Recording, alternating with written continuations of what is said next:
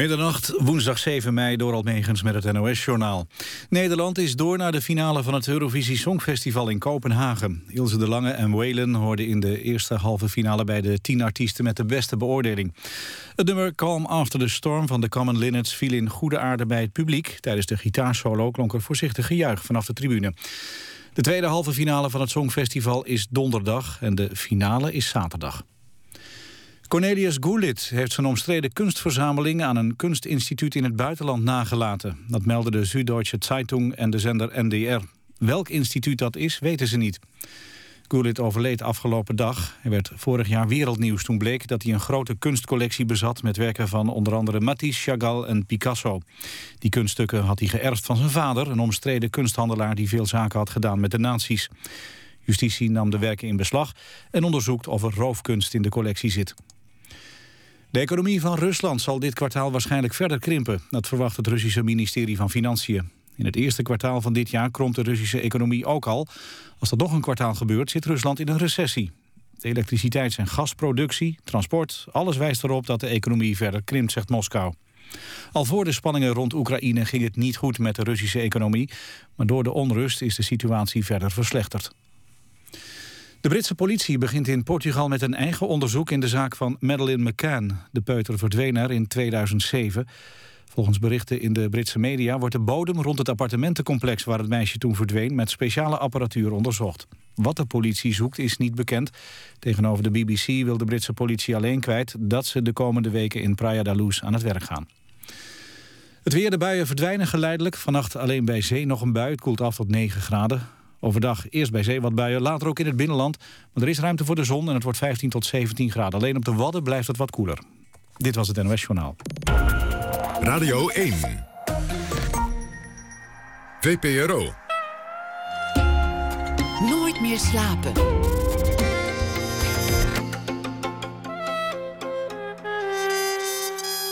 Met Pieter van der Wielen. Goedenacht, u luistert naar Nooit meer slapen. In de aanloop naar de Libris Literatuurprijs prijst Maarten het Hart zijn favoriete genomineerde boek straks aan. En na één uur draagt Niek de Vries een verhaal voor dat hij speciaal voor dit programma heeft geschreven. Maar we beginnen met Özcan Akil. Hij is uh, bekend van het autobiografische boek Eus over een Turkse migrantenzoon die in de gevangenis de literatuur ontdekt. En hij maakte daarmee een stormachtig debuut in de Nederlandse letteren. Heel veel lof kreeg hij ervoor, heel veel aandacht ook. En dan komt het ook regelmatig voor dat hij mensen tegen de haren strijkt met zijn ongezouten meningen. Hij werkte aan een uh, volgende boek en intussen verschijnt nu uh, van hem en van zijn mysterieuze co-auteur Dublanc Bogarde een boek met de titel Hey scheids, jij hebt zeker thuis niets te vertellen. Een boek met grappige anekdotes opgetekend rond de velden van het Nederlands amateurvoetbal. Eus, hartelijk welkom. Dankjewel. Dit, uh, dit boek, ik, ik pak er maar meteen eentje bij om in, in de sfeer te komen. Uh, het, het, zijn citaten opgetekend rond de velden. Jullie hebben als het ware met een notitieblok rondgelopen op en om het voetbalveld. Ik uh, citeer. Je vriendin heeft meer ballen op haar kin gehad dan Edwin van der Sar. Ja, nou, dat, dat zijn wel typische uh, uitspraken die je hoort in de voetbalwereld, die toch wel echt een mannenwereld is, een macho-wereld. En, en, elkaar kleineren en elkaars vriendinnen schofferen hoort daar kennelijk bij.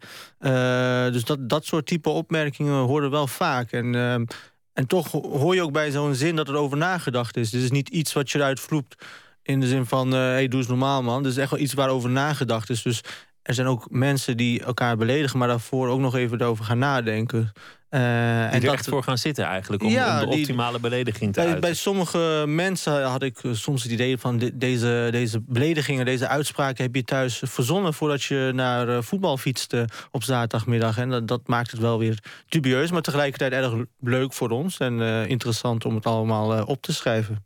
Kleedkamerhumor. Ronnie, jongens, heeft er iemand 50 cent voor me? Mike, waarom?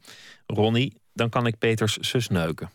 Ja, nou, dat is duidelijk weer iets waar uh, over nagedacht is. Ik moet nu wel even opmerken, je pakt nu twee seksistische opmerkingen. Dat was niet heel nee. moeilijk hoor, ik heb niet met een vergrootglas Nee, die, ik bedoel, die zitten wel gewoon rijkelijk in, maar er zit nog ook wel meer in. Maar ja, dat is ook weer echt uh, wat, je, wat je gewoon heel vaak in de kleedkamer uh, hoort. Dit soort opmerkingen richting vriendinnen, richting moeders, ook richting zusjes. Um, op een of andere manier lijkt het wel alsof dat ingeburgerd is in die wereld. En ook alsof het kan, alsof het mag. Het is een heel andere cultuur die binnen de voetballerij heerst. Uh, een cultuur waarin veel meer mag. Kijk, als wij als we dat hier op, op een radio, op een redactie tegen elkaar zouden zeggen... dan zouden mensen elkaar aankijken van... wat zeg je nou, ben je helemaal goed bij je hoofd? Maar bij voetbal lijkt het wel alsof iedereen gelijk gestemd is... en alsof het ook geaccepteerd wordt. En dat is natuurlijk wel uh, heel bijzonder. En daarom dachten wij van... Wij, ja, ik merkte dit en ik dacht van, ik moet dit allemaal noteren. En zo is eigenlijk het idee voor dit boekje ontstaan. Bijna als een antropoloog of, of als iemand die, die een bepaalde subcultuur wil verkennen. Um, ja, eigenlijk wel. Want wat ik net vertelde, uh, het is een wereld op zich. Als je eenmaal de, door, door de langste hekken van, van een sportclub bent... dan lijkt het wel alsof er een vrijbrief is om je volledig te misdragen. En dan niet alleen verbaal, ook op het veld. Uh, mensen die heel agressief naar elkaar zijn, fysiek. Uh, dat mag dan allemaal. En dan wordt na, na, de, na een wedstrijd wordt dat gewoon met een handjeschudden opgelost. Uh, dus er lijkt wel op een voetbalveld of in een voetbalkantine... lijkt wel heel aparte wetten te zijn dan daarbuiten de, de geldende normen en waarden die er zijn. Dat, dat is wel heel fascinerend. Je houdt ook van poëzie, van, van J.C. Bloem bijvoorbeeld. Ja, dat klopt. Ja. Dat is geestig dat dit je interesseert. De, de, de, de lullen op de, of de ballen op de kin van, van iemands vriendin. En, aan de andere kant de breekbare poëzie van, van Bloem. Um, ik hou gewoon van taal. Uh, en taal, je, je, taal uit zich in, in alle segmenten van de maatschappij op, verschillende manieren. Jezus Bloem was natuurlijk echt een, uh, een mooi schrijver. Er, waren, zijn hele mooie gedichten. En zulke gedichten worden trouwens ook niet meer gemaakt. Uh, maar als je kijkt bijvoorbeeld naar hiphoppers tegenwoordig, naar rappers. Die hebben ook weer een hele andere manier waarop zij taal beleven. en toch zit daar ook hele creatieve dingen in. Ook al zijn het is het minder wollig taalgebruik en is het minder uh, diepzinnig dan men ogenschijnlijk in eerste instantie zou denken. Uh, toch kan ik daar ook van genieten. Ik vind, ik vind het gewoon mooi om te zien. Want taal is een soort obsessie van mij. Ik vind het mooi om te zien hoe mensen op hun eigen manier met taal omgaan. En ik kan me heel erg vermaken om een proleet op het voetbalveld die, uh, die zich heel primitief uit, maar dan toch geestig is. Maar ook om, om, om Bloem of Elschot of uh, Wilming, daar hou ik ook allemaal van. Dus ja, voor mij is daar geen verschil eigenlijk tussen. Ja, natuurlijk wel qua niveau, maar qua belevenis, qua uh, amusementswaarde of qua ontroering, kan het allebei kan het bewerkstelligen. Je voetbalt zelf in, in Deventer. Ja. Bij, bij, bij welke club zit je? IJsselstreek heet dat. Elke zaterdag nog? Elke zaterdagmiddag uh, voetbal ik in Deventer. In een uh, vriendenelftal. En ik moet zeggen, ik merk ook wel bij mezelf... Toen ik dit boek ging maken, wilde ik, eh, wilde ik dat meteen duidelijk hebben van... ik ben niet een liefertje op het veld. Ik misdraag me ook regelmatig op het veld. Verbaal vooral. En, en na de wedstrijd dan keek mijn beste vriend aan... die bij een team voetbalt en dacht van wat heb ik nou eigenlijk gedaan? lijkt wel alsof ik als een soort van TBS'er hier tekeer ben gegaan... terwijl wij vierde klasse amateurniveau voetballen... en er zijn helemaal geen belangen. En waarom doen we dit eigenlijk? Want hij is net zo. En dan moeten we een beetje lachen om, om onszelf. Maar er ontstaat zo'n dynamiek op, die voetbal, op, op dat veld. Een soort van competitie die, die gewoon... En, er komen emoties zoals die wel niet lijkt... die, ja, die ik gewoon niet kan beteugelen. Dus het is heel vreemd. En uh, daarom leek het me ook wel... Uh, want er staan ook uitspraken in het boekje... Uh, die uit mijn mond zijn gekomen. Gewoon je eigen citaten. Ja, mijn, mijn eigen... Want dit is voor de duidelijkheid ook niet bedoeld om iets aan te kaarten... of, nee, om een verontwaardiging nee, weer nee, te geven? Nee, nee, absoluut niet. Want dat zou ten eerste hypocriet zijn... omdat ik me dus zelf ook regelmatig schuldig maak aan, aan verbale uitspattingen. die mogen trouwens... twee weken geleden heb ik een rode kaart gekregen... omdat ik omdat ik het oneens was met een beslissing van een scheidsrechter. En ik uh, vroeg me hardop af uh, op het veld... waarom ze iemand met een verstandelijke beperking een fluitje hadden gegeven. En toen kreeg ik een gele kaart. En toen ik uh, wegliep, zei ik van... nou, nou, nu fluit hij hier en vanmiddag, vanavond mag je weer in de Jostie bent. En toen kreeg ik een rode kaart. En toen dacht ik van, shit, nu doe ik het weer. Ik wil, ik wil juist een beetje gas terugnemen, ik wil me gedragen. Maar ik ben dan zo, ik ben dan zo oneens met die man... En uh, kijk, wat ik doe, dat mag niet. Dat spreek ik ook meteen uit, is fout. Maar tegelijkertijd is die man ook heel erg fout. Want dat is een partijdige clubscheidsrechter die echt de wedstrijd wil winnen. Het was een uitwedstrijd van ons. Die de wedstrijd wil winnen voor zijn club. Dus die de wedstrijd uh, beïnvloedt, heel dubieus, eigenlijk saboteert.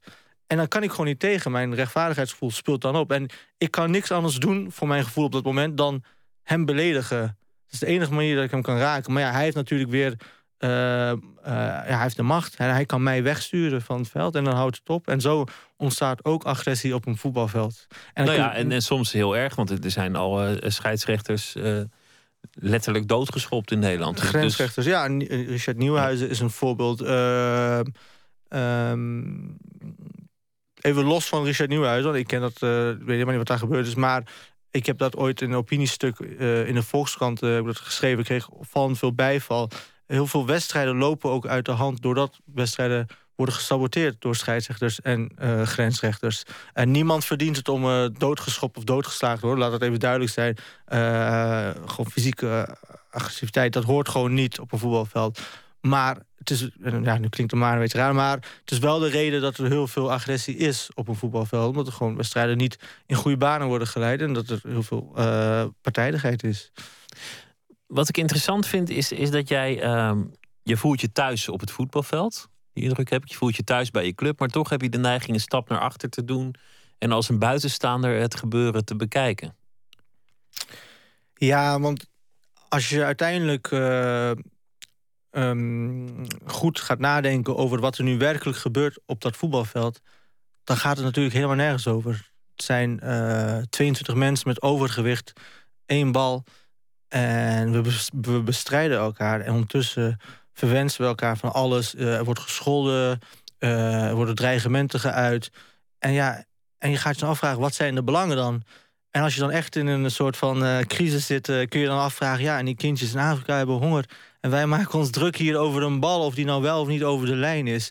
Um, dat, die gedachten, die, zeg maar, ik heb, ik heb het net over de emotie gehad die er is in een voetbalwedstrijd. Daar heb ik inderdaad, dat, ja, dat breekt mij soms ook op. Maar ik heb heel snel daarna ook weer uh, besef zelf in zich van...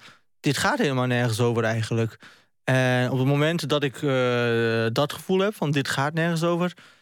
Dan, dan heb ik geluisterd. Toen heb ik geluisterd en heb ik dingen opgeschreven en uh, om me heen gekeken. En uh, ik denk dat het grootste verschil is... Uh, sommige mensen blijven daar hangen. Die hebben op maandagmiddag op hun werk... die balen nog steeds van een nederlaag... die zij op zaterdagmiddag hebben geleden. Maar er zijn andere mensen die het een kwartier na de wedstrijd kunnen loslaten. Ik denk eerder dat het andersom is. Dat ze iets op hun werk hebben waar ze van balen... dat ze meenemen naar het veld. Nou, dat, dat is eigenlijk ook uh, de ironie misschien ook wel van de titel uh, van ons boekje Hey Scheid, jij hebt thuis zeker niks te vertellen. Uh, dat zijn andere frustraties. Dat, dat geldt natuurlijk ook andersom. Heeft die speler wel thuis iets te vertellen of op het werk iets te vertellen? Als hij zich zo misdraagt. Maar het, het lijkt wel iets wat bij jou hoort. Want als jij uh, in de literaire kringen bent, mm -hmm. dan kijk je ook als een buitenstaander om je heen. En, en dan ga je ook het, het beschouwen. Je wil er eigenlijk liever niet bij horen. Um, nou, ik denk als je ergens bij hoort dat dat heel veel rust geeft. Dus ik zou er eigenlijk het liefst wel bij willen horen. Alleen, ik kan er niet bij horen. Waarom uh, niet? Ten eerste omdat ik anders ben. Omdat ik anders denk. Um, en omdat ik uh, gewoon bepaalde ergernissen... Ik, ik, ik, ik ben geen conformist. Ik kan me niet... Bepaalde ergernissen en zo kan ik niet uitschakelen. Ik vroeg vanmiddag aan mijn vriendin waarom hebben toch zoveel mensen een hekel aan mij? En toen zei zij, ja, dat is omdat je zo direct bent altijd. Je moet een keer leren om gewoon uh, je mond te houden als, als iets je niet aanstaat of als iets je niet zint. Moet je gewoon leren om, te om gewoon niks te zeggen, om gewoon weg te lopen. Maar jij bent altijd uit op een conflict of je bent altijd uit op een uh, confrontatie. En ik denk dat ik dat uh, in mijn volwassen leven altijd wel heb gehad. En dat ik daarom ook nooit uh, ergens, dat, sowieso mensen mij nooit echt helemaal kunnen vertrouwen. Ja, misschien mijn twee beste vrienden of drie beste vrienden. Uh, maar voor de rest blijf ik natuurlijk iemand die soms ontzettend lomp en bot uit de, hond, uit de hoek kan komen. Tegen draad. Tegen draad. Ehm, ja, en ik ben niet ik ben niet van de schijnheiligheid. Als, ik, ik ben ook wel iemand die naar zichzelf toe niet zonziend is. Als ik iets verkeerd doe of als ik iets opportunistisch doe... dan spreek ik dat gewoon uit. Dan ga ik daar niet omheen draaien. Maar vandaag, hè, want, want het is niet voor niks dat jouw vriendin het vandaag zei. Want, want ik, ik pak even het stuk erbij van het parool. Uh, schrijver Jan Akil bedreigt na een column over Amsterdam... Hoeveel, hoeveel nare mailtjes heb je gehad vandaag? Um, ja, een totaal bericht. Ik denk, ik denk tussen de, nu inmiddels tussen de 650 en 700. Allemaal uh, naar? Allemaal, uh, allemaal lelijk? Nare berichtjes, ja. Uh, positieve berichtjes zijn er meer geweest. Moet ik er meteen bij zeggen. Ik kreeg er ook heel veel bijval in mijn, voor mijn, met mijn column. Um, Want je had geschreven dat je niet van de stad Amsterdam houdt. Om het, om het heel kort samen te vatten. Ja, dat ik niet van de stad Amsterdam houd. En dat, ik, uh, dat de echte Amsterdammer eigenlijk niet meer bestaat. Dat Amsterdam overgenomen is door toeristen en provincialen. En dat de echte Amsterdammer weggedreven is naar Almere of ergens in een hoekje van Amsterdam zich kapot zit te schamen voor mensen die zich Amsterdammer noemen. Uh, en ik heb uh, iets over Ajax geschreven, de club van Amsterdam. Ik heb parallel getrokken tussen de supporters en de burgers van uh, Amsterdam. En ja, dat werd me niet in dank afgenomen. Het was echt ongekend. Een, een, een, een, tekst van 500 woorden, wat, wat, wat die al mij heeft losgemaakt. Dat is gewoon echt... ja, dat had ik niet zien aankomen. En ik ben inmiddels al wat gewend. Maar zoals je het nu vertelt, relatief rustig... dan waarschijnlijk was de, de column nou ja, ik, ik weet het eigenlijk wel. Die column was, was iets verder van toon. Nou goed, ik ben uh, schrijver en columnist. Uh, als columnist moet ik prikkelen. Ik, ik, bedrijf ook een beetje satire. Ik mag dingen aandikken. En dat is de artistieke vrijheid die ik heb. Uh, maar mensen hebben tegenwoordig helemaal geen zelfspot meer... of kunnen niks meer relativeren of nuanceren. Eh, iedereen is tegenwoordig maar boos gewoon altijd boos op alles. En uh, vandaag zijn ze boos op mij en morgen zijn ze weer boos op iemand anders. En uh, overmorgen is er weer wat anders. Maar dus... dat de uitkomst aan het eind van de dag zou zijn dat ze boos zijn, dat, dat, dat ja, is maar mensen zijn tegenwoordig altijd boos op. Uh, het is gewoon nooit goed. En als je het benoemt, dan worden ze ook boos. het is, het is, als jij nu zegt dat mensen boos zijn, dan zijn er ook weer mensen boos. Ja, ja, dat je dat dan, ja dan zijn weer mensen boos omdat er een, een, een, een Turk of een provinciaal zegt. want dat is nu een beetje ook de discussie in Amsterdam bij mijn Amsterdamse zelfbenoemde vijanden van... Moet ik nou terug naar de provincie of moet ik nou terug naar Turkije? Want toen ik in Deventer echt fulltime woonde... was het altijd van vieze Turk, als je bevalt ga je maar terug naar je eigen land. En nu ik in Amsterdam gediscrimineerd word, is het uh, vice-provinciaal. Als je niet bevalt, ga je maar terug naar Deventer. Dus wat dat betreft wel een stap vooruit gemaakt. Uh, maar het valt me op dat mensen echt uh, boos zijn. Ja, dat is eigenlijk heel tragisch, want nog nooit in de geschiedenis hadden zoveel mensen te eten en een dak boven hun hoofd en, en toegang tot zorg en onderwijs. En het resultaat is dat iedereen boos is. Ja, nou, het is een soort van welvaartsziekte lijkt het wel. Uh, mensen zien iets op tv wat hun niet aanstaat. Of ze, ze, ze lezen iets in een uh, tijdschrift. En de, e-, het eerste wat ze doen is uh, computer aanzetten en boos twitteren, boos facebooken. Ik word toegevoegd door mensen op Facebook. En het eerste wat ze doen is gewoon uitschelden. En dan niet van sukkel of zo. Nee, echt van uh, kankermogol en uh, teringmostim en tyfus dit. En er zijn gewoon alle vreselijke ziektes komen voorbij. Maar jij zoekt het toch ook actief op? Ik bedoel, ik vind dat je moet kunnen zeggen wat je zegt... en dat een columnist spraakmakend moet zijn. Maar ik, ik heb ook wel de indruk dat jij de strijd aangaat. Nou, ik vind, ik, kijk, we hebben het er nu over en dat vind ik goed. Ik vind dat, dat we dat ook wel moeten benoemen. Dat het heel bijzonder is dat we tegenwoordig zo boos worden steeds op elkaar. Ja, dat, dat kan niet genoeg. Uh, nou ja, nee, eigenlijk als je het zegt, dan ben je ook weer boos. Dat is misschien weer Ja, nee, nee ik ben niet boos, maar ik ben vooral uh, ja, geïntegreerd eigenlijk. En ik ben ook.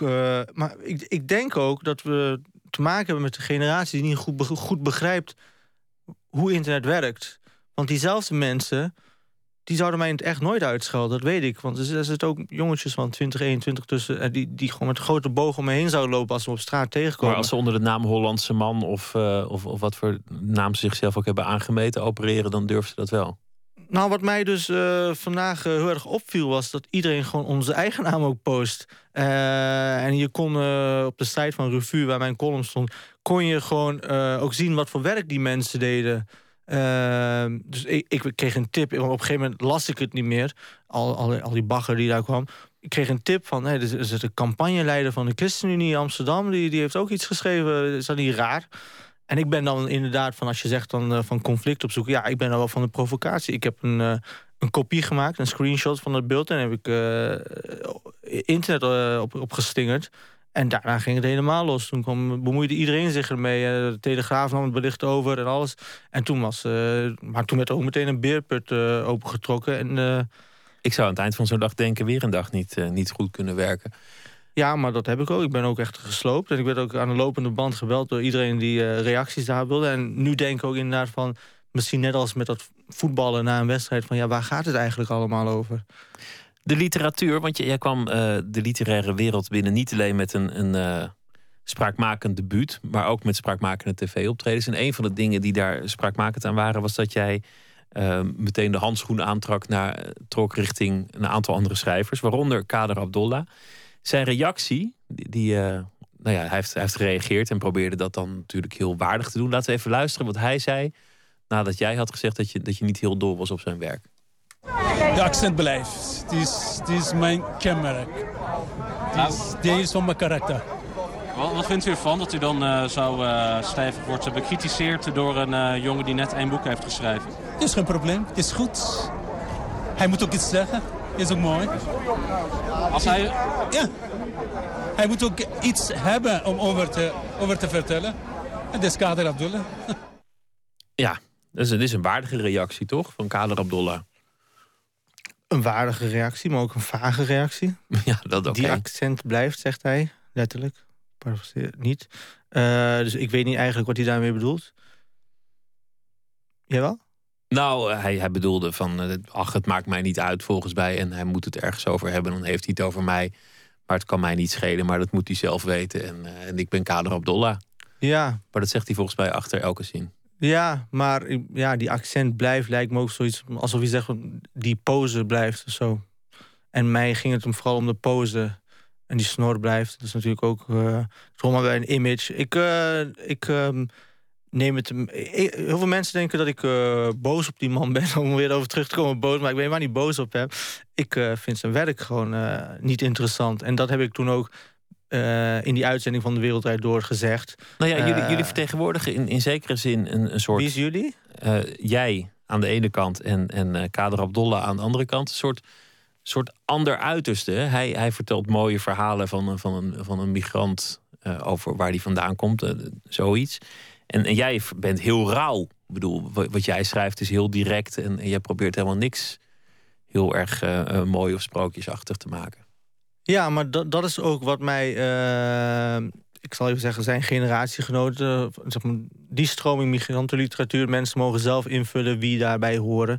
Uh, maar wat mij een beetje begon te ergeren aan die stroming... het werd allemaal zo opgetekend alsof het leven mooi was en sprookjesachtig. En alsof er helemaal geen leed was, alsof het allemaal vanzelfsprekend ging. En heel vaak werd ook teruggegrepen naar het land van herkomst... en hoe, de, hoe het leven daar was. Vaak in een andere tijd, dus in een andere setting. en ik was die boeken wel zat, want er zijn gewoon problemen in dit land zoals een bekende populist zegt. uh, maar goed, ik, ik wilde wel, ik wilde wel eens literatuur lezen van jongens die uit die stroming komen, van de Marokkaanse, Turkse, tweede, derde generatie. En ja, die literatuur is er eigenlijk bijna niet in Nederland.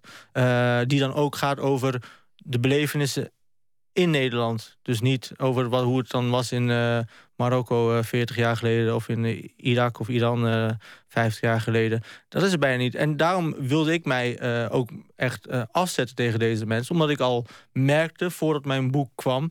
dat ik hem in dat hokje werd geduwd. Dat ik, dat ik dan ook, oh, daar heb je nu eindelijk... want de Turkse schrijvers zijn er nog niet, met Turkse achtergrond, zijn nog niet echt in Nederland. Er waren wat aan Marokkaanse, schrijvers met een Marokkaanse achtergrond. En je werd er meteen in een soort stroming geplaatst. Ja, ik, ja. Ik, ik, werd meteen bij hen in, in een groep gegooid. En ja, ik dacht, wacht eens even, jullie hebben nog niks gezien, niks gelezen. Jullie, hebben, jullie kennen mij nog niet, mijn werk nog niet. Waarom moet ik meteen... Ik werd al voordat mijn boek uh, uit was geboekt op een uh, festival met uh, die mensen, laat ik het zo zeggen. En dat vond ik van raar toen ik daar was. Want daar heb ik Abdullah dan ook voor het eerst ontmoet. Ik dacht, wat doe ik hier eigenlijk? Waarom hebben ze mij geboekt? Ik, en toen besefte ik van, ik ben puur op basis van mijn uh, achtergrond ben ik hier geboekt op dit festival. Niet omdat ze mijn werk hebben gelezen, omdat ze weten wie ik ben, maar puur op basis van mijn achtergrond. En toen uh, ontstond eigenlijk die houding van, ja, nee, ik wil niks met deze mensen te maken hebben. Ik heb hun boeken gelezen en het is niet voor mij, het is niks voor mij en het hoort ook niet bij mij. Dus laat het gewoon duidelijk zijn. En daar heb ik in die uitzending van de Wereldrijd daarmee willen afrekenen meteen. Nou, dat was meteen heel duidelijk. We hebben muziek uitgekozen um, van uh, artiesten die iets zingen over voetbal. Omdat, uh, omdat het uh, boek over voetbal gaat. Morrissey gaan we draaien, We'll Let You Know.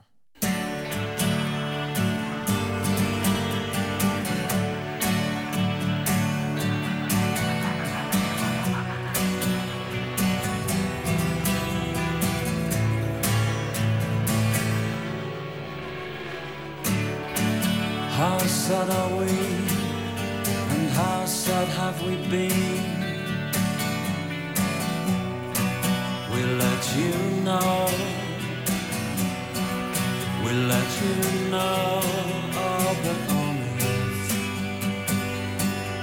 you're really interested. You wonder how we've stayed alive till now. We let you know. We let you know, but only you're really interested. We're all smiles, then honest, I swear it's the turnstiles that make us hostile. Oh, oh,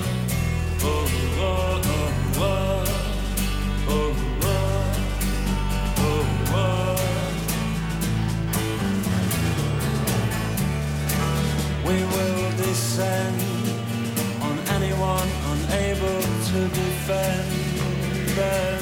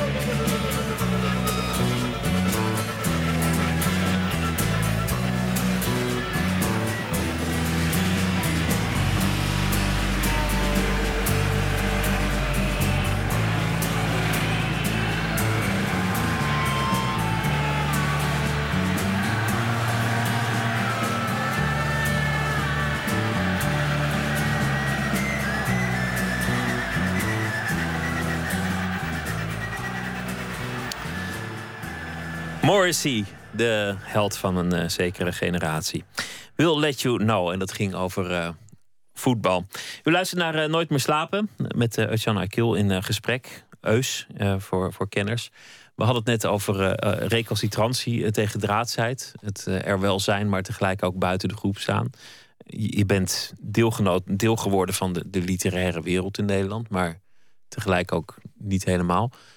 Hoe zit het eigenlijk binnen Turkse kringen, hoe hebben die gereageerd op het, op het boek Eus? Heeft dat in, in, de, in de Turkse gemeenschap veel losgemaakt in Nederland? Ehm, ja, dat hangt er een beetje vanaf. Uh, de Turkse samenleving is wel erg verdeeld in twee groepen. Dat zagen we ook met, dat zie je ook bijvoorbeeld met verkiezingen. Uh, en zo is het ook gewoon in het alledaagse. Je hebt een, um, er is een progressieve groep. En er is een heel erg conservatieve groep. En in Nederland zijn die conservatievelingen toch wel in de meerderheid. mensen die erg gelovig zijn ook. En eh, ehm, ja, die kunnen mijn boek niet eh, waarderen. Die zien, eh, die zien het als een soort van nestbevuiling. Omdat ik toch een beeld schets van de Turkse samenleving in Nederland die niet echt rooskleurig is. Ik, ik, ik, ik, beschrijf de armoede, ik beschrijf hoe mensen op handige manier aan uitkeringen komen. Ik beschrijf de criminaliteit. Eh, nou, het hoofdkarakter, mijn alter, literaire alter ego is eh ongelovig, dus niet moslim. Eh, en dat, ja, dat wordt me allemaal niet in dank afgenomen.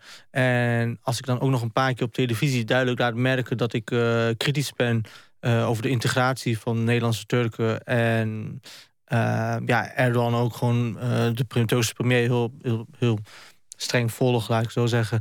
Ja, dan word, word ik daarop afgerekend. En dan merk ik ook eh, op websites, waar, Turkse websites, waar mensen oproepen om mij op te hangen en eh, eh, mij verketteren. Ehm, maar er is ook een, een groep, wel een kleinere groep, die toch ook wel, ja, dat noemen ze dan geïntegreerd, maar die heel erg goed meedoen in deze Nederlandse samenleving. En die zich hebben ontworsteld aan hun achtergrond. En die veel herkenning zien en teruglezen in het boek.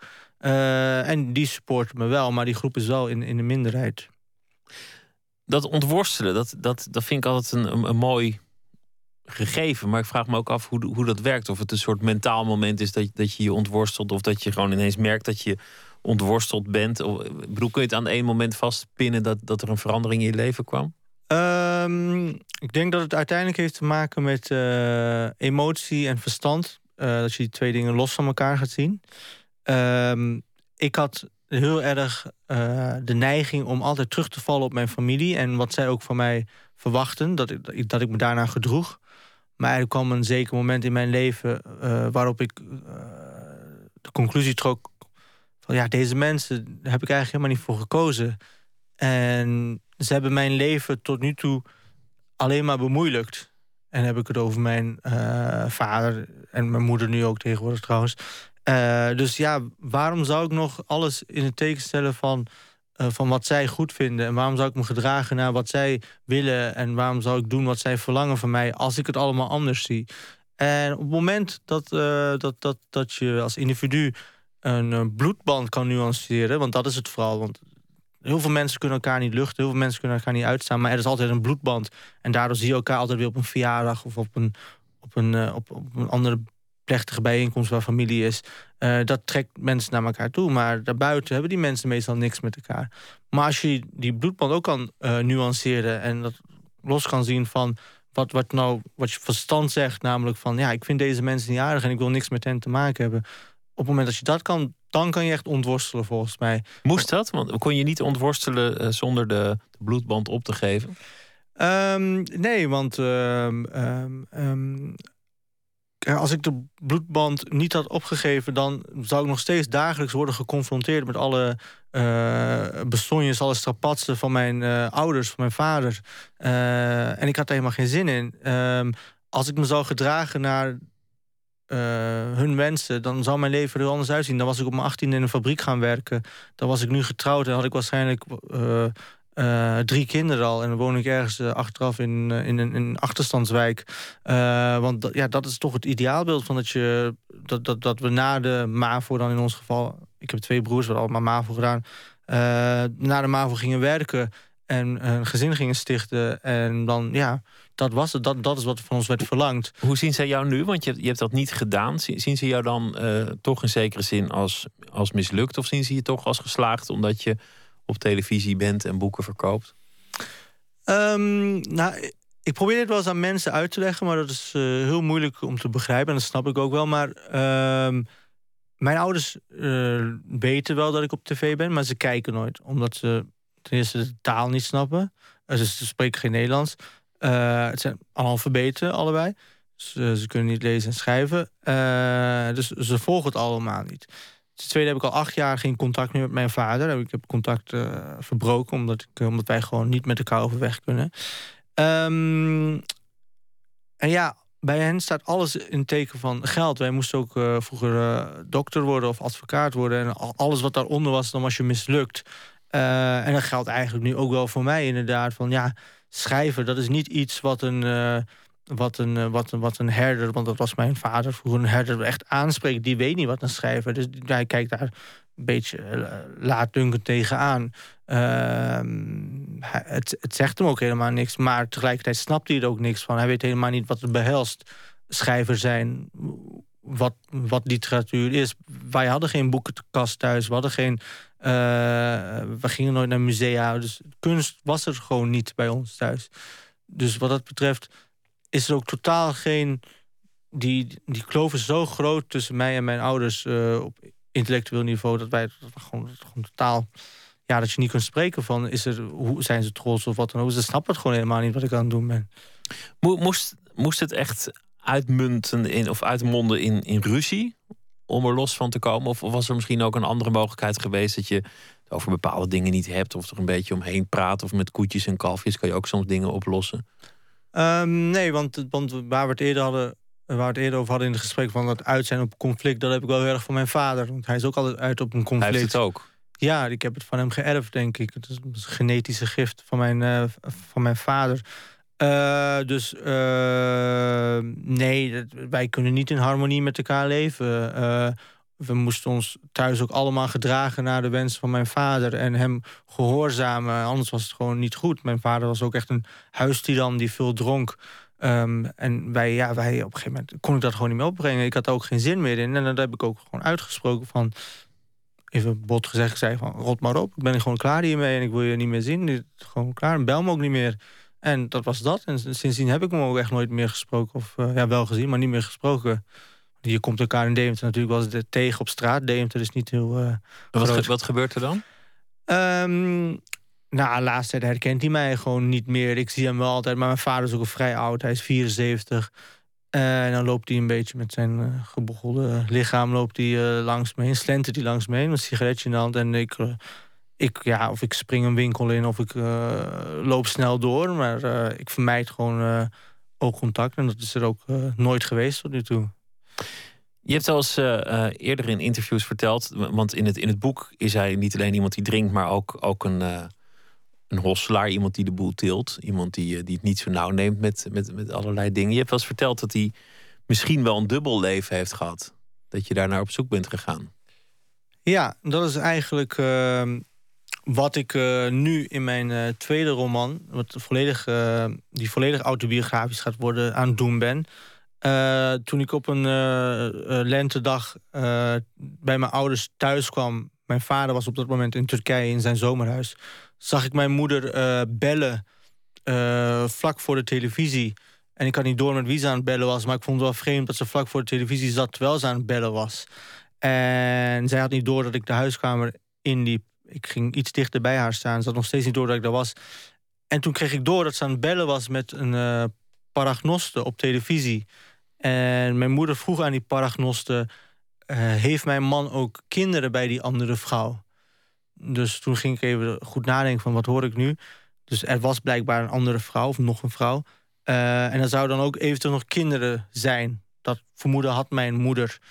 Nou, die paragnoste die ging mijn moeder antwoorden. Die vertelde van, ja, er zijn kinderen. Ze zijn vier en zes jaar oud en zijn heel gelukkig. En uw man is ook gelukkig met die andere vrouw. Eh, u heeft een zwaar leven. En die ging mijn moeder dat ook nog even echt inpeperen. En toen mijn moeder, eh, dat gesprek werd eh, afgebroken na een paar minuten. En toen kreeg mijn moeder mij pas echt eh, in vizier en zei van... ja, heb je meegeluisterd? Ja. Vind je niet gek dat je dit aan iemand van de televisie... een oplichter van de televisie moet vragen? De eerste reactie van mijn moeder was... dit, is geen oplichter, want deze vrouw heeft het altijd goed. Mijn moeder was blijkbaar een eh, fre- frequente beller eh, van, bij het programma. Ehm, en, en, en zei ik, maar dat is toch... En nu geloof je dat? Zei ik dan dat mijn, dat, dat, dat mijn vader dus een, eh, nog een vrouw heeft en andere kinderen. En mijn moeder zei, ja, dat geloof ik, want die vrouw heeft het gezegd op televisie. Ehm, en toen zei ik, nou, maar dan, dan is het toch goed dat je nu van hem gaat scheiden. Wat, iets wat ik al tien jaar roep tegen mijn moeder, dat ze moet scheiden van mijn eh, vader. Wat zij weer niet durft, omdat ze bang is eh, voor alle reacties van de buren en van de familie en alle andere omstanders. Ik zeg, nu heb je dan echt een goede reden om te scheiden, want er zijn kinderen. Eh, dat zeg je zelf. Er is een andere vrouw, een buitenvrouw. Dat is echt iets wat. Dat is een legitieme reden om te scheiden van iemand. Zelfs als je 50 jaar getrouwd bent of 40 jaar. Ehm, maar toen zei mijn moeder van nee, ik moet echt tastbaar bewijs hebben. Ik moet zeker weten dat het ook zo is. En toen heb ik in een soort van opwelling gezegd: eh, dan, dan goed, dan ga ik dat voor jou uitzoeken of dat klopt. Dan ga ik eh, volgende maand naar Turkije. eh, ga ik daar een week lang eh, uitzoeken wat mijn vader daar aan het doen is. Ik ga ambtenaren omkopen om te kijken of hij echt kinderen op zijn naam heeft staan, eh, geregistreerd heeft staan. En als ik dan met echt tastbare bewijs kom, dan moet jij van hem scheiden. En zij heeft mij toen eh, die belofte gedaan dat ze dan inderdaad van hem gaat scheiden. En toen ben ik begonnen met mijn reis naar, of ja, een korte trip was natuurlijk, ja, een week dus. En ik heb uit een soort beroepsgekte heb ik alles opgeschreven wat ik heb gezien. En eh, wat ik, eh, waar ik tegenaan ben gelopen tijdens die, tijdens die zoektocht naar die andere vrouw en die andere kinderen. Dus eventueel mijn halfbroertjes en zusjes. Eh, en dat, ja, en, dat, dat, ben- wordt het, dat wordt het volgende ja, boek. dat wordt het volgende boek. Dat die, Kun je, kun je al zeggen of je inderdaad nog, nog meer halfbroertjes en zusjes hebt? Of, of ben je bang dat je daarmee ook de, de marketing van je volgende boek ondergraaft? Ehm, ik zie het niet als marketing, maar nee, ik, ik, ik heb het echt tegen niemand nog gezegd. Ook niet tegen mijn vriendin. Ik wil ook niet tegen mijn broers trouwens. Ik eh, wil dat echt voor mezelf houden. Ook omdat ik niet beïnvloed wil worden door eh, wat andere mensen gaan zeggen. Ik zit nog volop in het schrijfproces. En ik wil dat eh, alleen doen. En ik wil niet in mijn nek eh geheigd worden door andere mensen. Dit is eigenlijk al vrij veel wat je vertelt. Ik ken schrijvers die, die, die nog niet eens een trefwoord willen zeggen. Die willen nog niet eens zeggen in welk land hun volgende boek speelt. Mm, Dat kan kloppen, maar ik heb eh, me voorgenomen om mijn eerste drie eh, boeken eh, autobiografisch te maken. Autobiografische romans te maken. Dus dit zijn dingen die heel veel mensen gewoon al weten. Niet zozeer dan wat de uitkomst is, maar wel dat ik mee bezig ben. Omdat ik tegen mijn vrienden moet zeggen: want ik ga nu een week naar Turkije omdat ik dit ga uitzoeken. Dus het is ook geen geheim dat ik ermee bezig ben.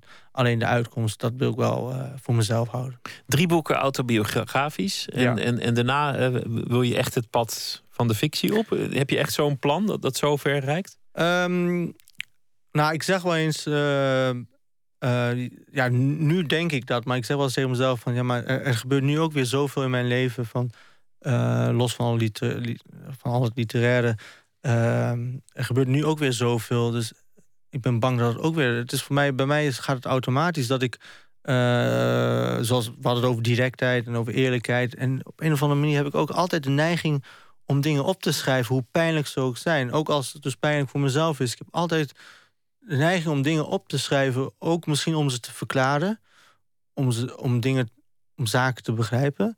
Eh, maar ja, aanvankelijk was mijn voornemen, en dat heb ik nu al echt strak in mijn hoofd, om eh, drie eerste boeken autobiografisch te maken en daarna echt volledig toe te leggen op fictie. Maar ik sluit niet uit dat er in de toekomst toch nog een extra autobiografisch boek gaat komen. Je spaart eh, eh, weinig dingen in je, in je boeken, maar ook uiteindelijk jezelf niet. Je be- bent in die zin vaak vergeleken met Celine, eh, ook een, een grote held van jou. Dat, dat was ook een, een schrijver die allerlei werelden opende door ze gewoon zo rauw neer te zetten als ze waren. En, en door dingen zeker niet mooier te maken dan, dan ze zijn. Dat is eigenlijk iets wat, wat in Nederland misschien nog een beetje miste. Iemand, iemand die, eh, Ehm, die literair van binnenuit of, of van het hebben meegemaakt bepaalde kringen kan beschrijven. Wat, ik, wat mij vooral eh, is opgevallen eh, toen ik een grote inhaalslag ging maken met literatuur lezen. En dan kwam ik bijvoorbeeld bij, eh, de generatie van Wolkers. En als ik dan zijn boeken lees, nu nog bijvoorbeeld, dan vind ik dat. eh, dan vind ik dat. Nou, ik lees dat en dan denk ik van, nou, heb ik, dan lees ik wat ik heb geschreven. En ik kijk bijvoorbeeld naar, eh, als het gaat over intimiteit met vrouwen. En ik krijg heel veel kritiek daarop over de manier waarop ik vrouwen bejegen in mijn boek. Over waar het hoofdkarakter over vrouwen praat en over schrijft. Maar toen de tijd was het heel normaal in de jaren eh 70, 80. Maar blijkbaar is er een soort van eh, hernieuwde preutsheid of zo gekomen. Waardoor wij niet meer eh, plat mogen schrijven. Waardoor wij niet meer eh, eh, grof mogen zijn. Niet meer mogen schelden in de literatuur. Het moet allemaal. wordt volgens een soort van. ja, volgens een kompas wordt er getoetst van deugt dit wel of deugt dit niet.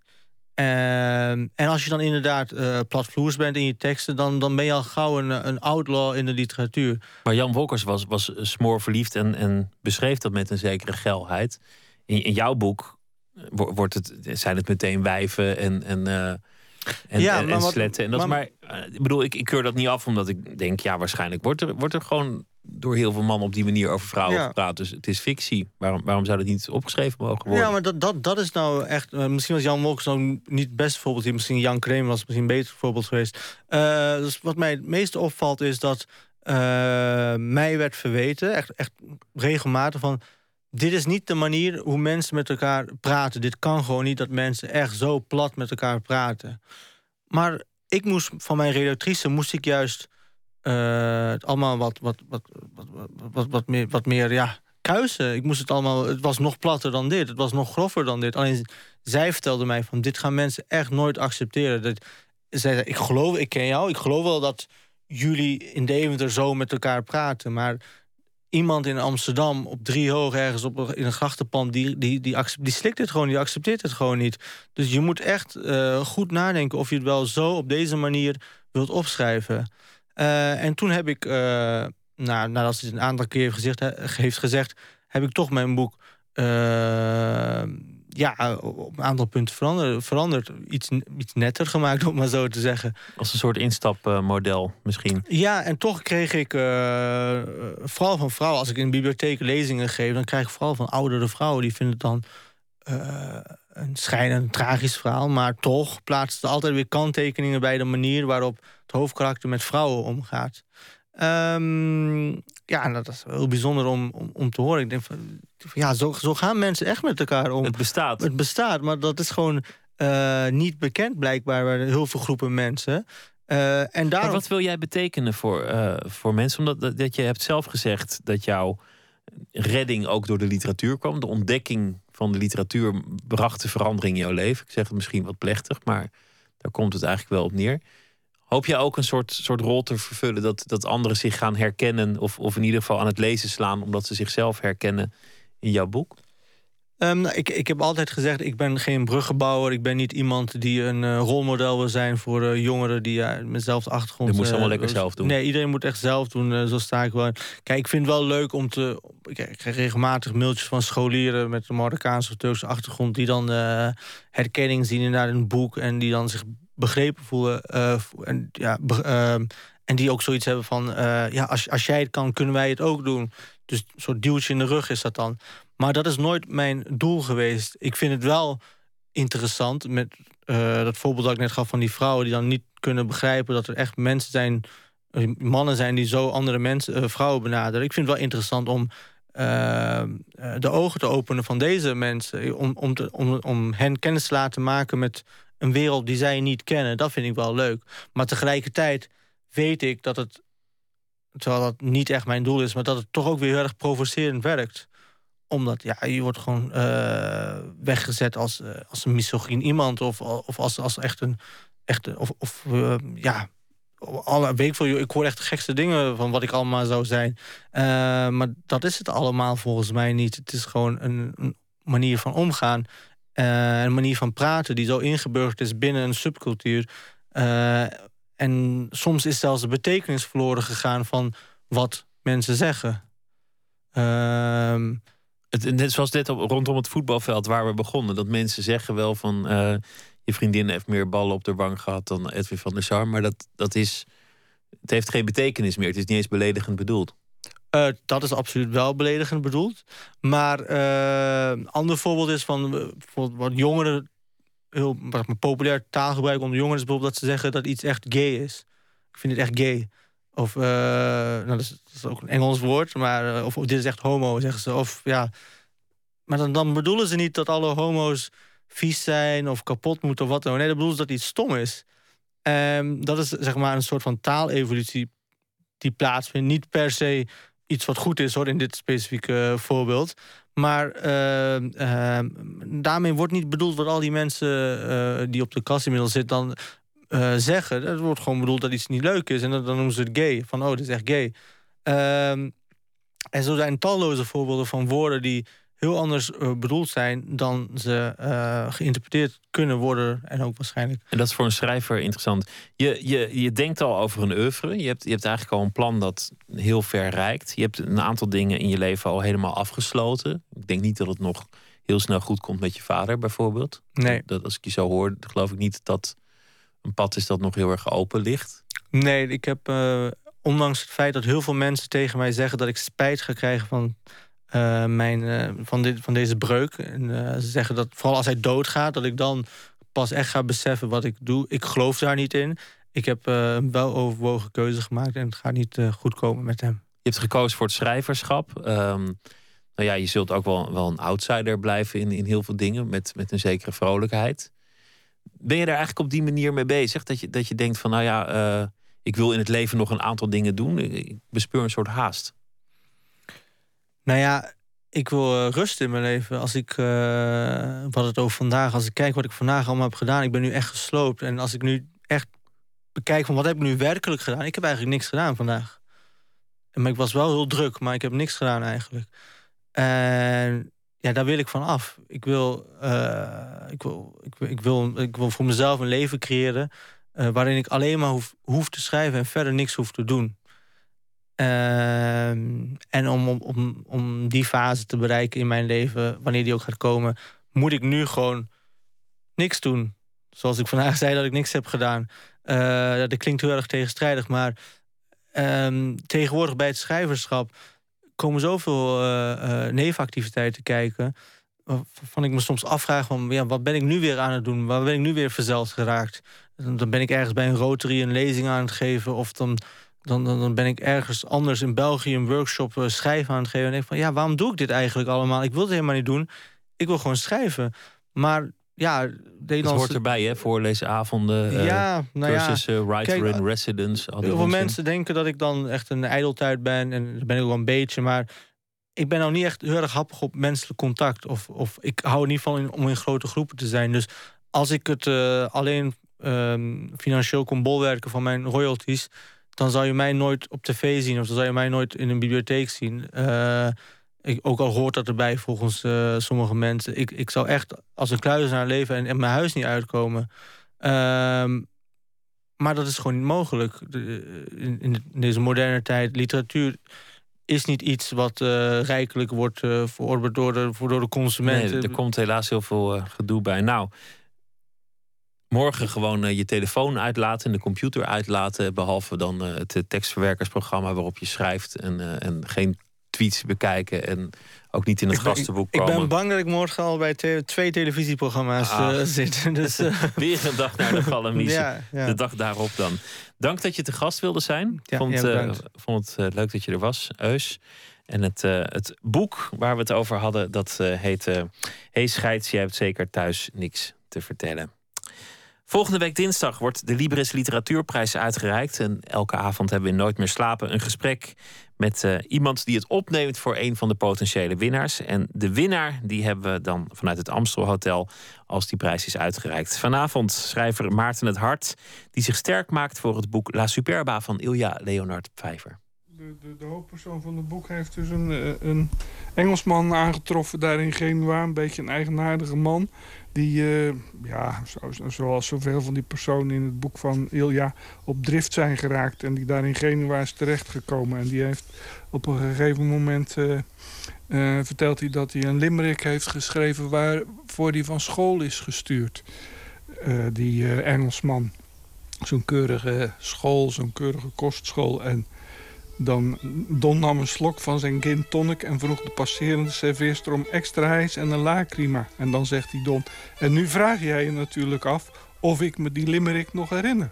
There was a mad teacher from Calcutta who had an incredible stutter. But this girl smiled with glee, for she found out that he took more time than the others to Omdat hij dat stotteren nou wil doen. En dat die laatste regel dan nog steeds rijmt, zeg maar. Maar dat had je al begrepen. Toen ik het die avond aan mijn moeder liet lezen, moest ze lachen. Ze gaf me een kus op mijn voorhoofd. De volgende ochtend zat ik in de bus op weg naar de kazerne. Want dan is hij al van school gestuurd vanwege die, die limerick.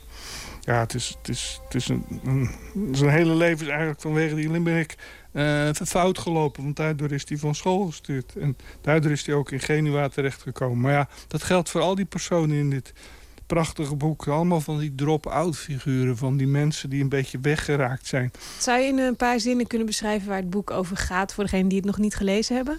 Het is, een, eh, het is primair een boek over een stad. Het is... eh eh, Pfeiffer die, eh, die was op weg naar een, andere, naar een andere stad. Ik geloof gewoon naar Rome met de fiets. En die is in Genua blijven hangen. Omdat hij meteen verliefd werd op de stad. En het is een boek over die stad. Over de sfeer in die stad. Over de mensen in die stad. Over de steegjes, de ouderdom. Italië. De, hele wereld die daar opgeroepen wordt. Dus het is primair een, een boek over een stad. En ik hoorde ook al dat een van de juryleden van de Librisprijs had gezegd... ja, het is, gewoon een, het is gewoon een reisgids. Nou ja, dat is natuurlijk onzin. Maar iets daarvan is wel waar in die zin dat het echt Genua heel precies en heel mooi beschrijft. Wat voor beeld van die stad krijg je na het lezen van het boek? Ja, van een prachtige stad, maar ook van een stad in verval. Van een soort... Ja, hij, hij vergelijkt het eigenlijk met dat meisje waar, waar, waar die dan zo verliefd op wordt. Die gewoon een hoer blijkt te zijn en die het voor geld wel met hem wil doen. Dat het eigenlijk heel treurig en tragisch is. En zo is die stad ook. Die stad wil wel, maar die stad wil het eigenlijk alleen maar voor geld doen. Want die is ook aan lage wal geraakt.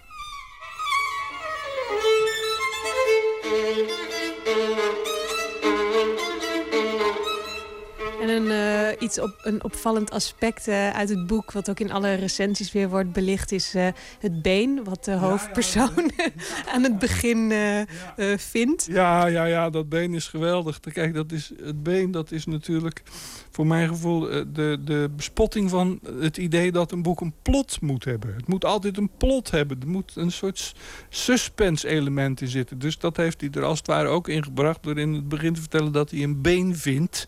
Maar ja, er gebeurt eigenlijk helemaal niks met dat been. Dat been dat blijft wel door dat hele boek heen een rol spelen. Maar het is een soort bespotting van, de- van het hele idee dat je een plot in een boek moet hebben. Dat er, dat er iets van een, een, een intrige in moet zitten. Die zit er gewoon niet in. Niemand ooit eerder heeft zo'n soort boek geschreven. Ik zou geen voorbeeld weten van zo'n boek als dit. Het is echt nieuw. Het is vernieuwend.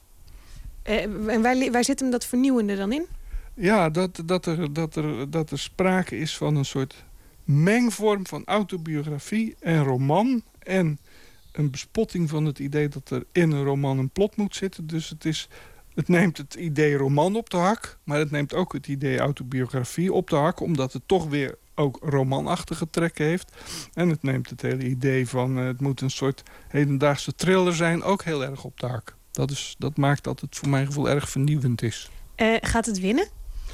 Ja, dat denk ik haast niet. Want kijk, het is echt heel erg goed. En, en, en het is bij de Libris-prijs over het algemeen gebruikelijk... om niet het beste boek te bekronen, maar een, een, een veel minder goed boek. Ja, omdat het toch allemaal doorknopers zijn eh, die in de jury zitten, over het algemeen. En in dit geval helemaal hoor. Er zit Arjan Fortuyn in. Nou, dat is de grootste ambtenaar van de Nederlandse letterkunde. Dat is doorknoper in persoon. Dat is een man die alleen maar in tabelletjes kan denken en cijfertjes. Die man heeft helemaal geen gevoel voor literatuur. Dus ik, ik vrees het ergste. Ik vrees dat die vreselijke Hertmans de prijs gaat winnen. Maarten het Hart dekte zich alvast een beetje in namens La Superba van Ilja Leonard Vijver. Een bijdrage van Inge Ter Schuren. Morgen de volgende genomineerde voor de Libris Literatuurprijs, die door een eh, collega wordt aangeprezen. Dan hoort u vrouwtje Tuinman over het verdwijnen van Robert van Welagen. Zometeen in eh, Nooit meer slapen krijgt u een eh, verhaal van Niek de Vries onder andere. En we gaan het hebben over poëzie. En nou ja, er komen nog heel veel andere onderwerpen voorbij. Twitter, VPRO-NMS. Of via de mail kunt u ons eh, ook eh, bereiken. Nooit meer slapen, VPRO.nl. En we zitten ook op Facebook. Voor wie eh, digitaal nog niet optimaal aangesloten is op alles wat hij leuk of niet leuk vindt. Tot zometeen.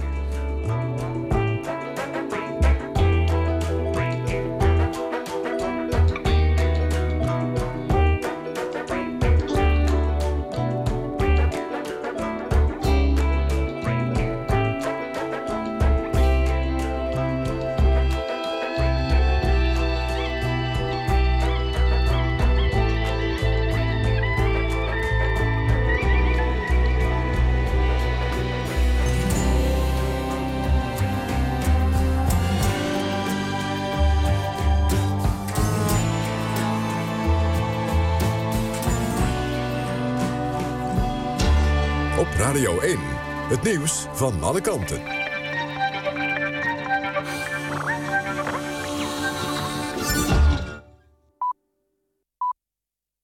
Eén uur door Almegens met het NOS-journaal. De Chinese internetwinkel Alibaba heeft een officiële aanvraag voor een beursgang in New York ingediend. Daarmee wordt naar verwachting meer dan 15 miljard euro opgehaald. Het zou wel eens de grootste beursgang kunnen worden die ooit in de VS is gedaan. Alibaba is niet zo bekend als Facebook, maar het is een enorme conglomeratie van internetbedrijven waarin meer geld omgaat dan bij Amazon.com en eBay. De totale marktwaarde wordt geschat op zo'n 120 miljard euro. Pas als de uiteindelijke datum van de beursgang in zicht komt... wordt er een eerste prijs voor de aandelen bekendgemaakt. Nederland is door naar de finale van het Eurovisie Songfestival in Kopenhagen. Ilse de Lange en Whalen hoorden in de eerste halve finale... bij de tien artiesten met de beste beoordeling. Het nummer Calm After the Storm van de Common Linnets... kreeg genoeg stemmen van de miljoenen kijkers... en de 37 verschillende vakjuries. De tweede halve finale van het Songfestival is donderdag...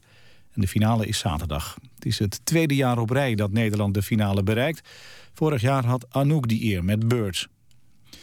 Europa moet een gezamenlijk energiebeleid ontwikkelen. Dat zei Ed Nijpels in het programma Nieuwsuur.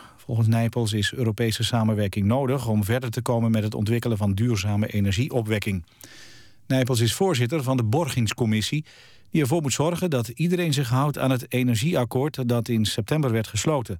Daarin is afgesproken dat in 2020 14% van alle opgewekte energie duurzaam moet zijn.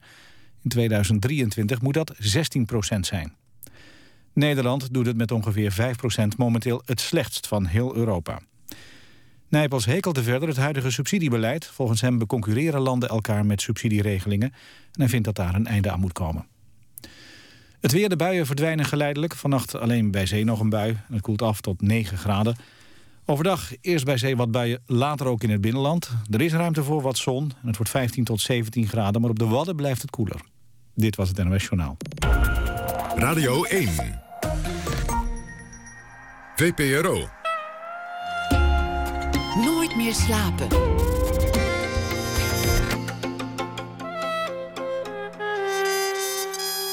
Met Pieter van der Wielen. U luistert naar Nooit meer slapen. We beginnen dit uur zoals altijd met de schrijver die de hele week door een verhaal schrijft op basis van iets dat die dag is gebeurd of hij die dag heeft meegemaakt.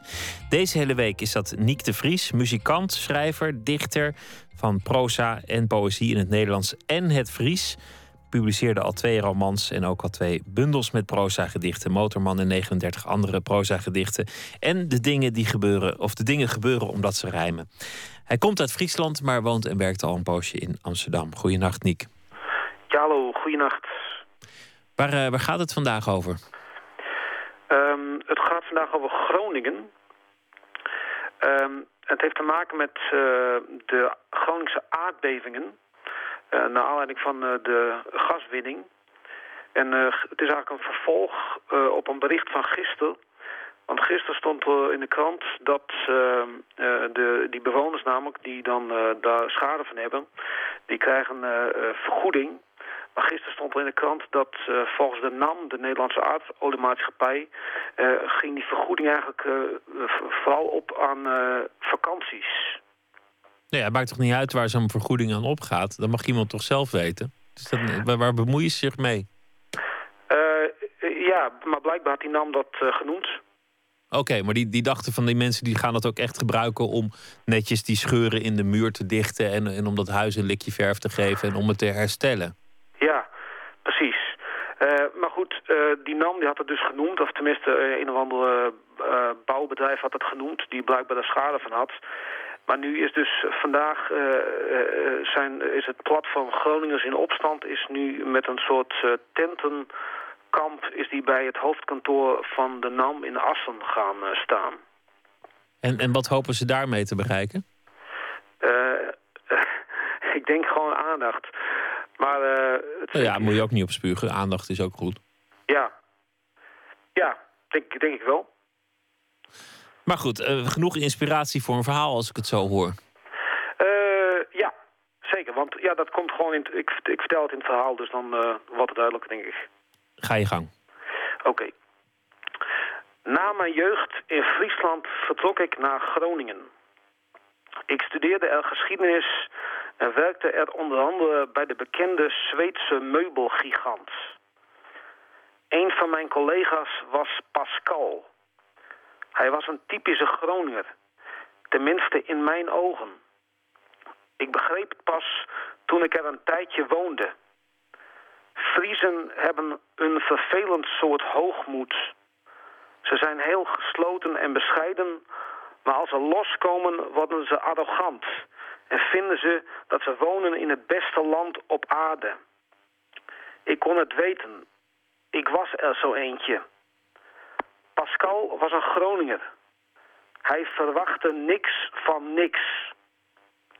Op een novemberdag in 2003 fietsten we richting Loppersum om cd's te kopiëren op losse schijfjes. Dat gebeurde nogal veel in die tijd. Achteraf was het de eerste serieuze beving als gevolg van de aardgaswinning. We voelden een lichte schok en pas bij hem thuis begrepen we de ernst. Zijn vader zei, het was alsof een trekker tegen het huis reed. Eerlijk gezegd lachten we er alleen maar om. Straks zakt de hele zaak hier naar beneden, grapte ik.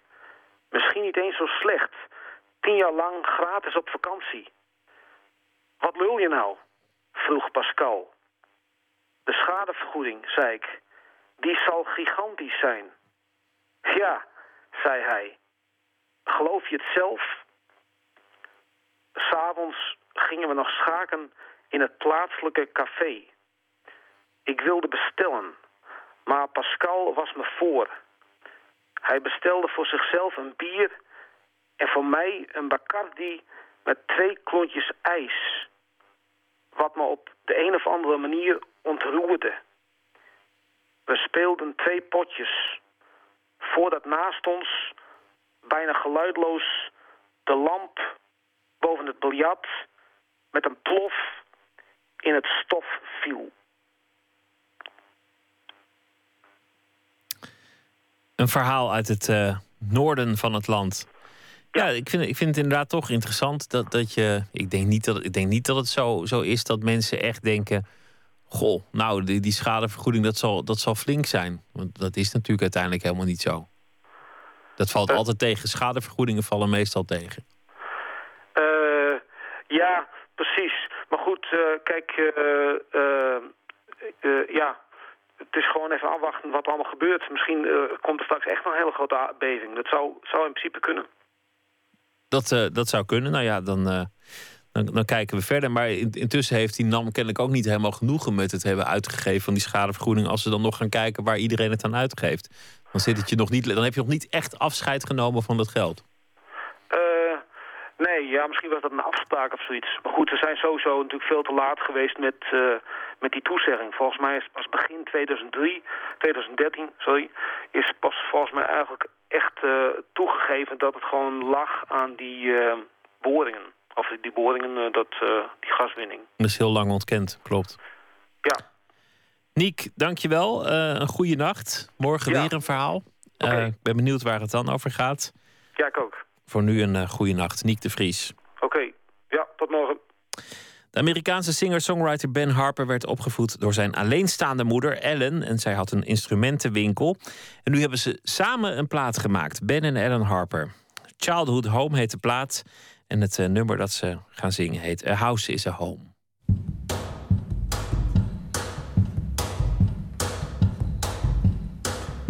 A house is a home, even when it's dark. Even when the grass is overgrown in the yard. Even when the dog is too old to bark. And when you're sitting at the table trying not to starve. A house is a home, even when we've up and gone. Even when you're there alone. A house, a house is a home. A house is a home, even when there's ghosts. Even when you gotta run from the ones who love you most. Green doors, broken paints peeling from the wood. Locals whisper when they're gonna leave the neighborhood. A house is a home, even when we've up and gone, even when you're there.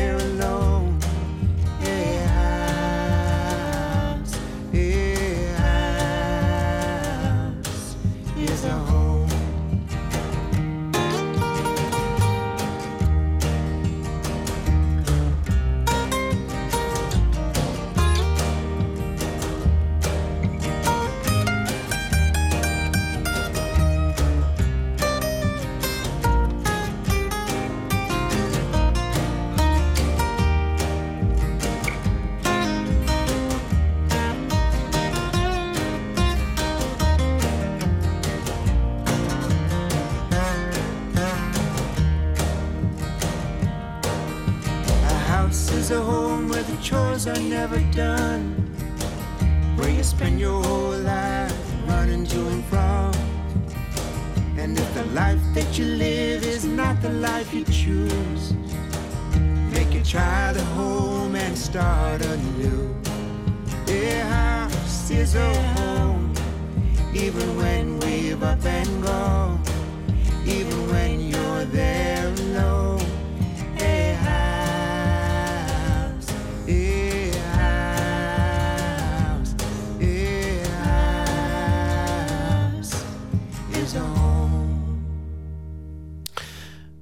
Harper en zijn eh, moeder Ellen Harper. A House is a Home.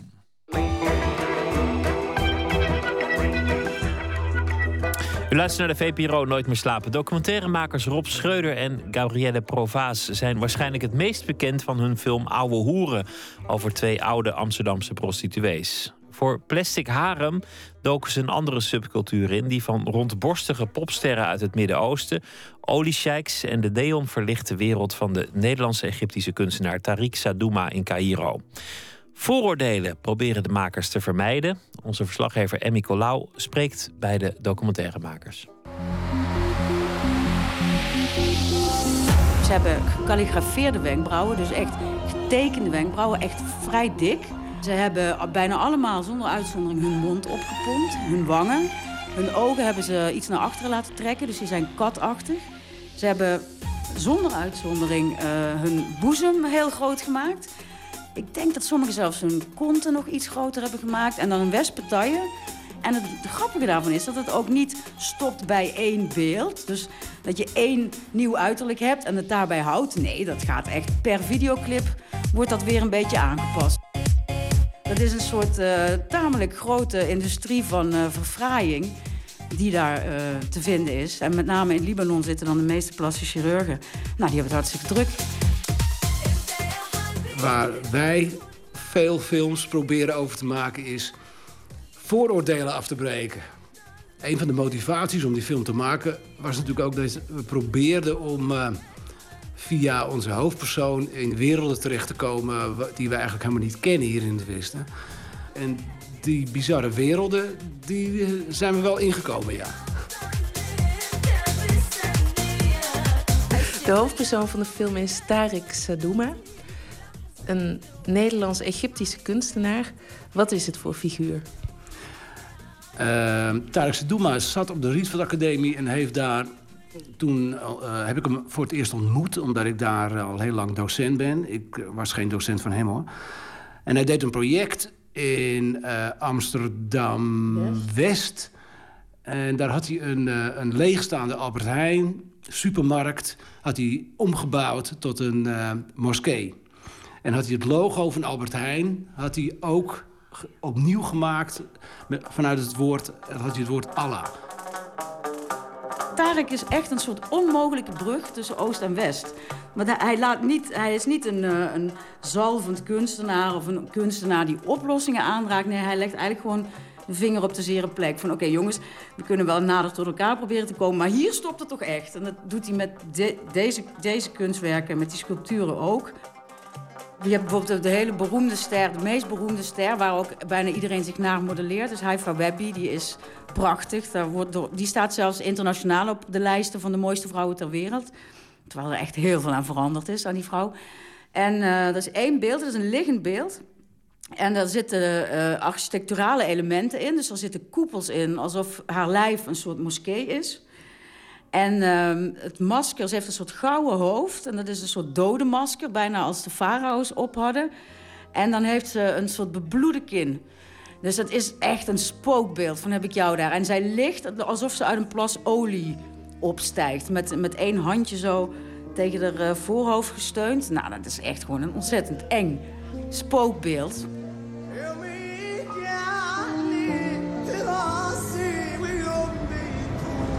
Nou, weet je wat gek is? Met die, eh, met die ehm, eh, ondeugende meisjes. Dat ze allemaal een soort eh, schijnfiguur creëren. Omdat ze al van jongs af aan zo ontzettend hebben moeten liegen. Over wie ze zijn, over wat ze willen. En dat het zo'n taboe is. En wat mij gewoon heel erg trok in die vrouwen was dat dat fantasiefiguur zo gedetailleerd was. dat het bijna een echt mens was. Rond haar 45ste levensjaar. Dat is het einde van dat figuur, want dan kan ze het niet meer volhouden. Dan worden ze dus een karikatuur van hun alter En dan zie, je, want dan zie je het figuur gewoon echt eh, opzwellen... en nog meer botox en dan een soort... En ik heb niet zo snel het gevoel dat ik een vrouw wil redden... als een soort ridder. Maar ik vind het gewoon heel erg vervelend dat zo'n figuur... wat dan zo mooi gemaakt is en dan ook zo diepzinnig is en zo... dat het gewoon verdwijnt. Als je het werk voor het eerst ziet, dan moet je echt vreselijk na gaan denken. Want uh, denken van ja, wat is het nou eigenlijk? Uh, je gaat natuurlijk, uh, zo zitten wij in, het Westen in elkaar. Je gaat meteen vergelijkingen maken met wat je al kent in, de, in, de, in, de, in de kunstgeschiedenis en in de moderne kunst. En, maar je moet er, daar moet je echt van af. Je moet die beelden bekijken binnen de context van het Midden-Oosten. En ehm, binnen, binnen de betekenis van die beelden in de cultuur die daar is dan krijgen ze plotseling een heel andere betekenis... dan, dan dat wij ze even vanuit onze westerse blik bekijken. Denken van, nou, dat is allemaal porno en dat is allemaal dit en dat is allemaal dat. Er zit ook zo'n curator in, zo'n keurige ja. westerse curator... en die snapt er ook helemaal niks van. Nee, nee. Maar wat, wat, wat, wat, wat, wat, is het allemaal? Ik kom hier binnen en ik zie hier allemaal... Uh, roze... Roze, kitsch en glitter ja, kitsch, en glam en, en, en, wat, wat is het allemaal? Kitsch is altijd zo'n moeilijk woord, hè? Ga maar lekker zitten. Wil je hier zitten? Wat zie je? Um... Wat moet ik weer vertellen? Nou ja, je bent niet zo aardig voor vrouwen, hè? Hier, in je werk. Nee? Je bent redelijk hard voor een bepaalde soort van vrouwelijke representatie. En ik ben gewoon benieuwd van, oké, wat zit er dan achter? Dat zijn uh, Bij inderdaad... mij bedoel je? Oh ja, heb je, ken je die clips, die Arabische clips? Ja, ja, ja. Wat vind je ervan?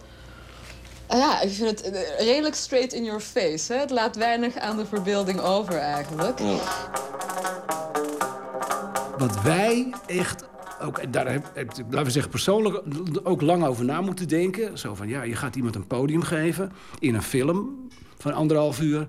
Hij is niet bekend en uh, is hij dat waard? Dat is ook een discussie geweest met het Uur van de Wolf. En wij hebben gezegd van ja, wij vinden die kunst eigenlijk heel goed. In eerste instantie denk je van, jezus, wat is het voor een kiets? In tweede instantie, en je, en je kijkt er langer naar... en je denkt er langer over na... is het eigenlijk hele goede en dappere kunst om dat daar te maken. Met al die verhalen daaromheen. En, uh, dus het is ook een beetje een aanval op de westerse superieure, superieure blik... die wij hebben als het gaat over kunst. Hé, hey, Eddie. Nee, ja, ging fantastisch. Ja, ging helemaal goed. Nou ja, ze denkt, uh, ze snapt er niks van. Ze vindt het vreselijk.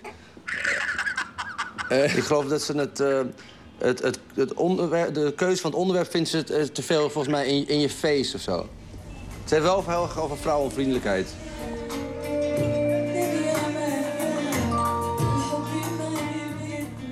Rob, jij zei net, um, wij proberen niet te oordelen. En ik vond het eigenlijk wel, dat, dat zie je ook heel goed. En dat zag je eigenlijk ook al heel goed in Oude Hoeren. De film die jullie hiervoor hebben gemaakt. Er is heel veel toen over gesproken. Twee oude hoeren. Ze waren denk ik 60? 70. 70 al. Het aantal klanten die we gehad hebben, dat is niet meer te tellen. Ik zou het echt niet kunnen tellen. Dat is ontelbaar echt neuken deden we natuurlijk nooit zoveel. Uh, behalve als ze er goed voor betaalden. Hoe lukt dat om niet bevooroordeeld te zijn?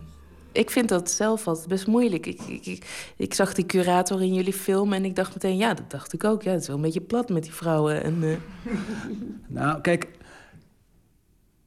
Uh, ik, iets meer dan Gabriel, ik heb heel veel films gemaakt waar wel een oordeel in zit. Ook in de tijd dat ik, uh, dat ik dagelijks voor de VPRO werkte. En die maak ik ook nog steeds wel.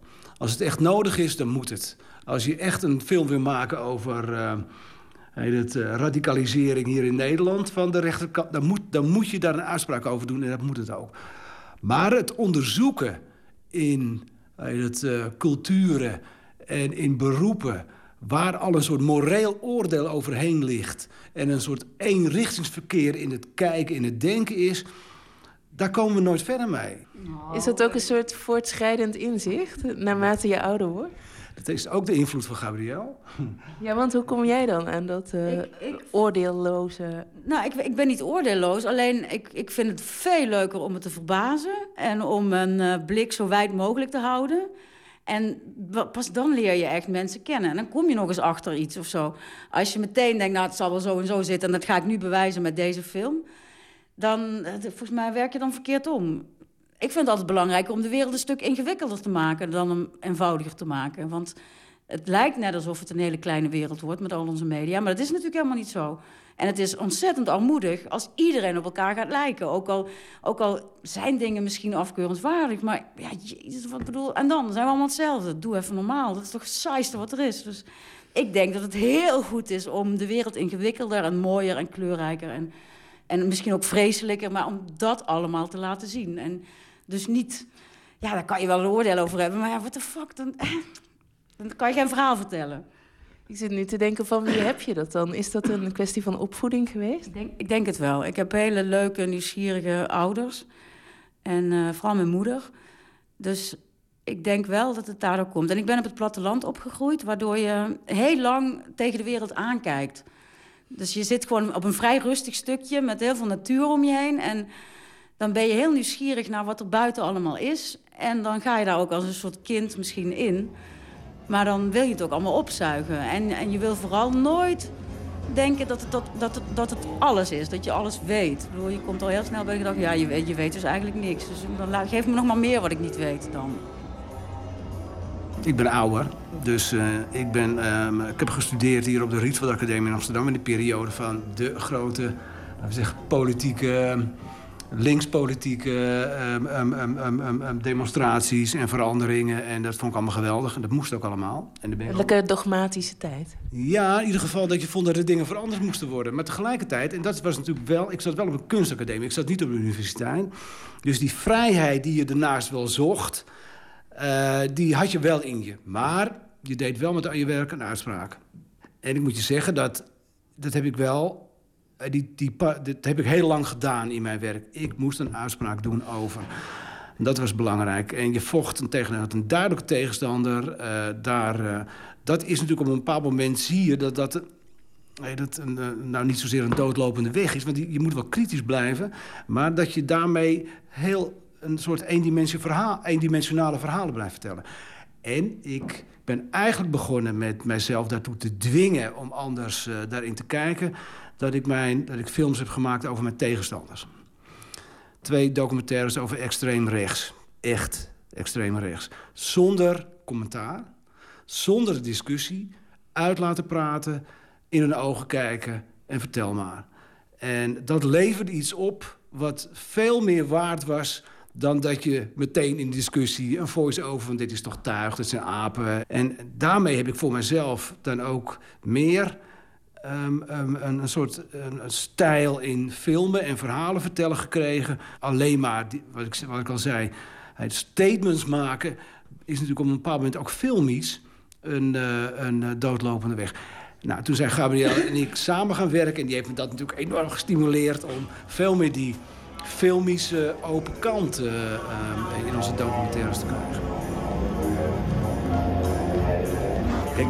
Ik begin eigenlijk altijd te, te regisseren aan zich. Gabriel begint met het inhoudelijk in de gaten te houden... en de continuïteit en, enzovoort enzovoort.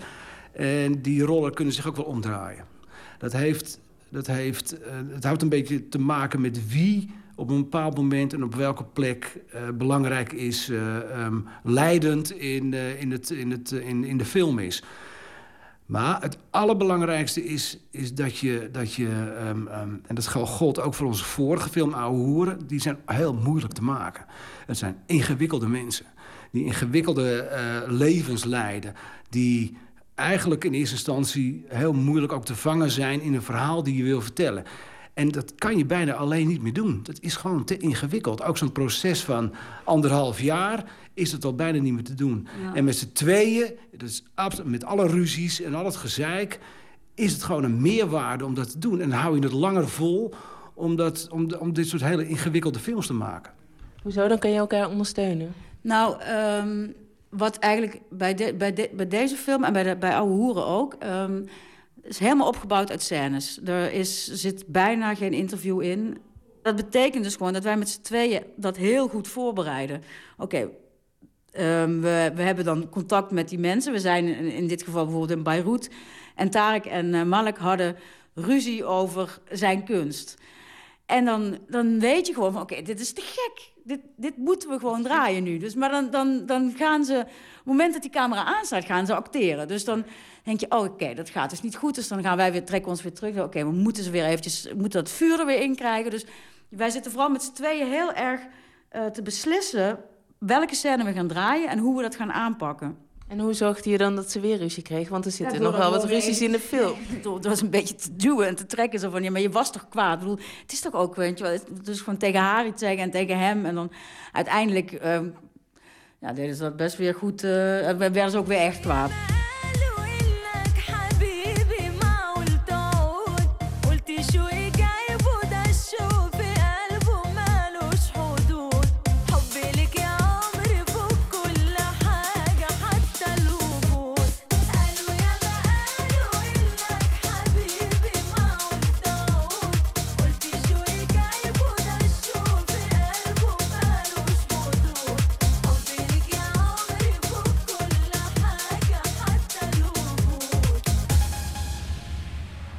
Plastic Harem gaat in première op het Cinema Araab Festival en is daarna te zien in de bioscoop en op 22 mei op televisie bij het Uur van de Wolf.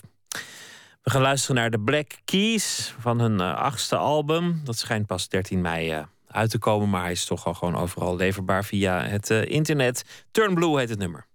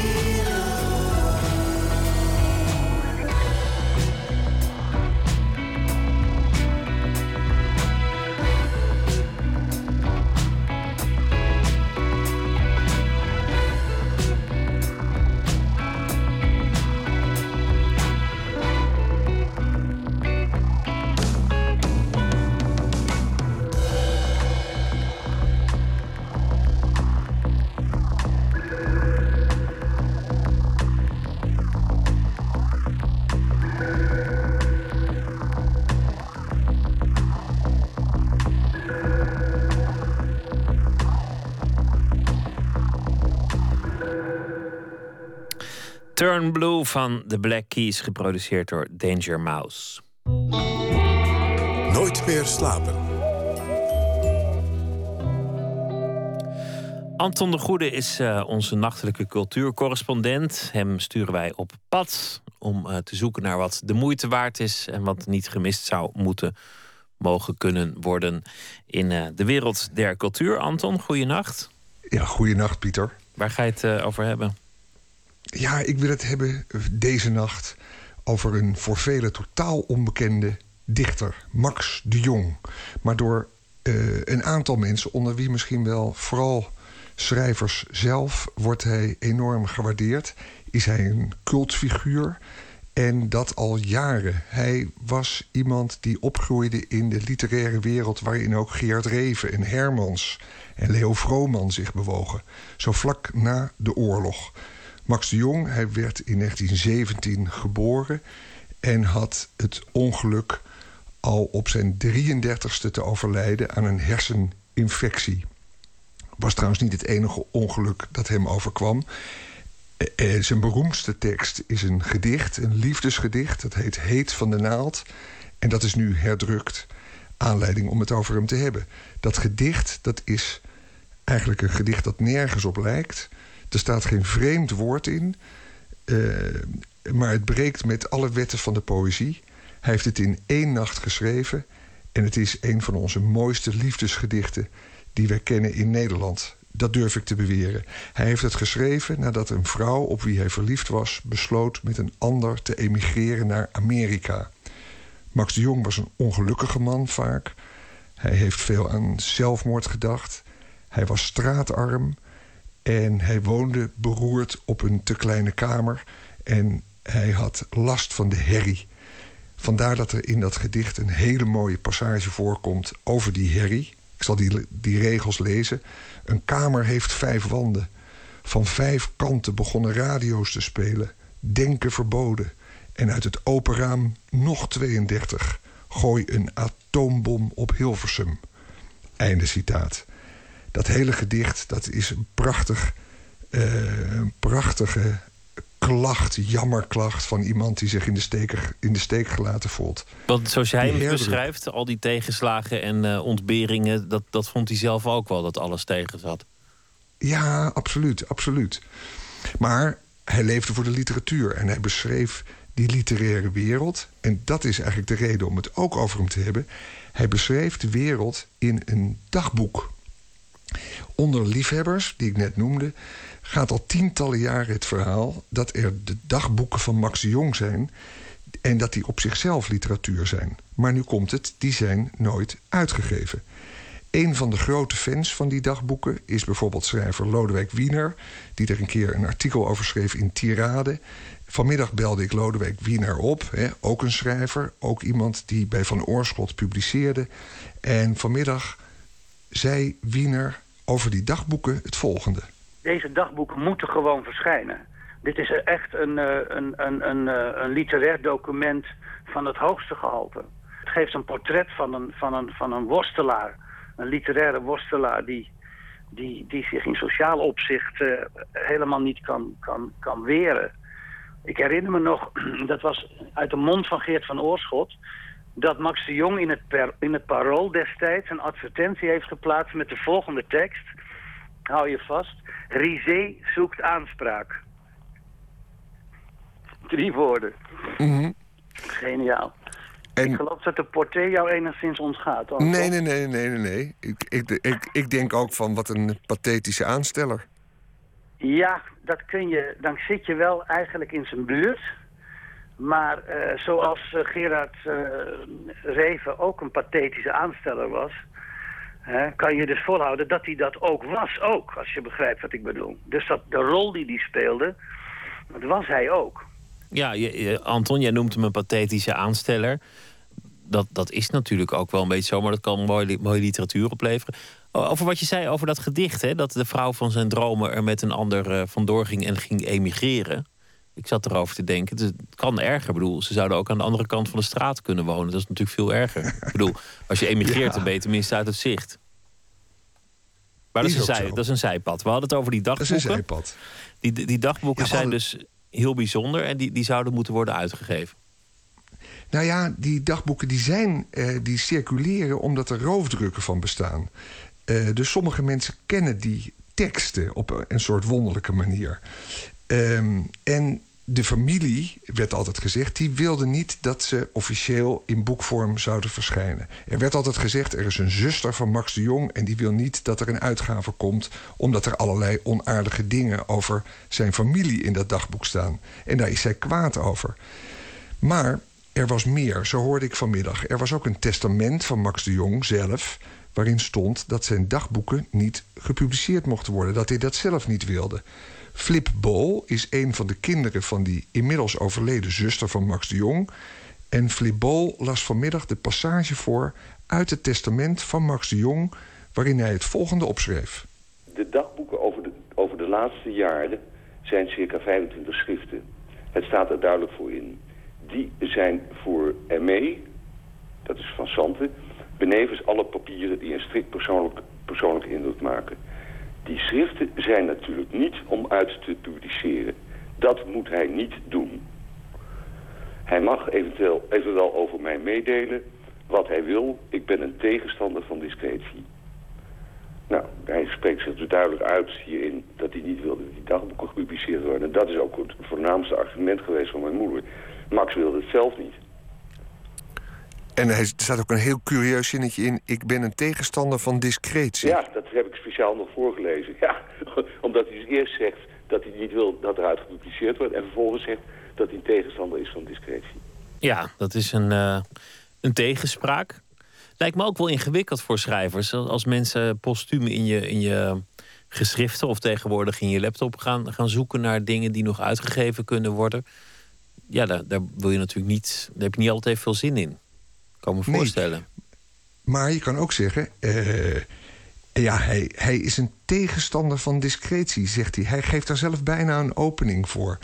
Nu is het zo dat hij is in 51 overleden... en dat betekent dat in 2021, dat is nu over zeven jaar... het 70 jaar geleden is. En dat betekent weer dat de rechten vervallen... en eigenlijk iedereen die dagboeken zou mogen uitgeven. Dus ik vroeg toch aan deze Flip Bol... is het nu niet eindelijk tijd om die, eh, die dagboeken uit te geven? Ik heb eerst met Van Oorschot gebeld. Die zou het zo willen publiceren. Die, die zei van, nou ja, wij, wij zijn blij als we, de- als we dit mogen uitgeven. En ik vroeg deze Flip Bol nu op de man af... wat er nodig is om de familie zover te krijgen... alsnog toestemming te geven. Hij zei er dit over. Mijn moeder, of onze ouders, hadden vier kinderen. Ik ben de oudste. Ik heb nog een, een, een broer en twee zusters. En wij zijn samen eh, verantwoordelijk voor de erfenis, erfen, nalatenschap, zullen we zeggen. En ehm, ja, we zijn het nog niet helemaal eens ehm, of wij nou de wens van onze moeder moeten volgen, of de gedachten van onze moeder moeten volgen. Of dat we moeten zeggen, nou ja, er is toch een roofdruk en over zeven jaar lopen de auteursrechten af. Eh, moeten we niet overwegen om dat eh, ehm, zelf in eigen hand te houden. Maar het is een gesprek wat, wat gaande is. En daar is nog geen eh uitsluiting over. Voor mij persoonlijk is het zo, als iemand die dagboeken wil lezen, dan kan hij ze lezen, want ze zijn er. Ehm, zou ik zeggen, nou, maak gewoon een verantwoorde uitgave. Maar nogmaals, ik ben niet de enige die daarover beslist. Nou, dit is vrij duidelijk. Gewoon uitgeven. Namelijk? Nou, gewoon uitgeven toch? Ja. Ja, en die gaan er dus wel komen. Hè? Je voelt Ja, aan precies. hem eh, dat het dus eigenlijk... Nou, we kunnen nog net geen persberichtje zeggen van... eh, de dagboeken van Max Jong komen eraan. Maar we hopen toch dat het een kwestie is van misschien een paar maanden. Ik ben inmiddels eh, benieuwd geworden. Dus ik hoop dat ze worden uitgegeven om eens te lezen of het inderdaad zo bijzonder is. Anton de Goede, sorry? Heet van de Naald is dus wel al te krijgen, die herdruk van dat liefdesgedicht. Max de Jong. Max de Jong. Dankjewel Anton de Goede en een eh, hele goede eh, nacht. We gaan luisteren naar eh, Lily Allen. Jesus heet de nieuwe cd van deze Engelse zangeres. Of Jesus, moet ik zeggen, met SH. En ehm, nou ja, we gaan luisteren naar een bonusnummer van dat album. Why Do You Love? You know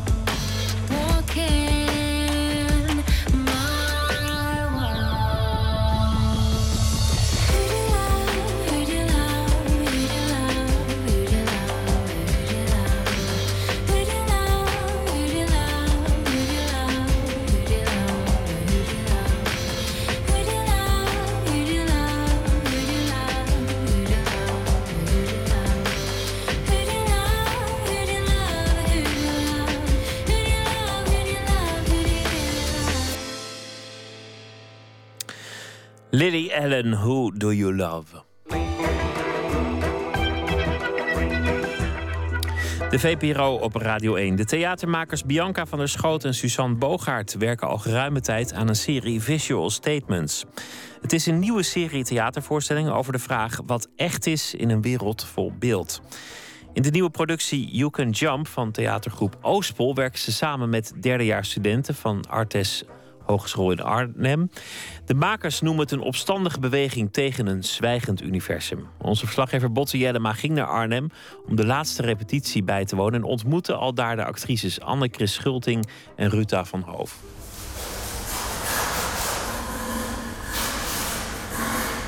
Er staat een, een, een winkelwagentje op het toneel met, eh, wat, wat is dat ook weer? Piepschuim, hè? Ja, Piepschuim klopt. van die paneeltjes, van isolatiepanelen Ja, zijn dat. ja, eh. ja.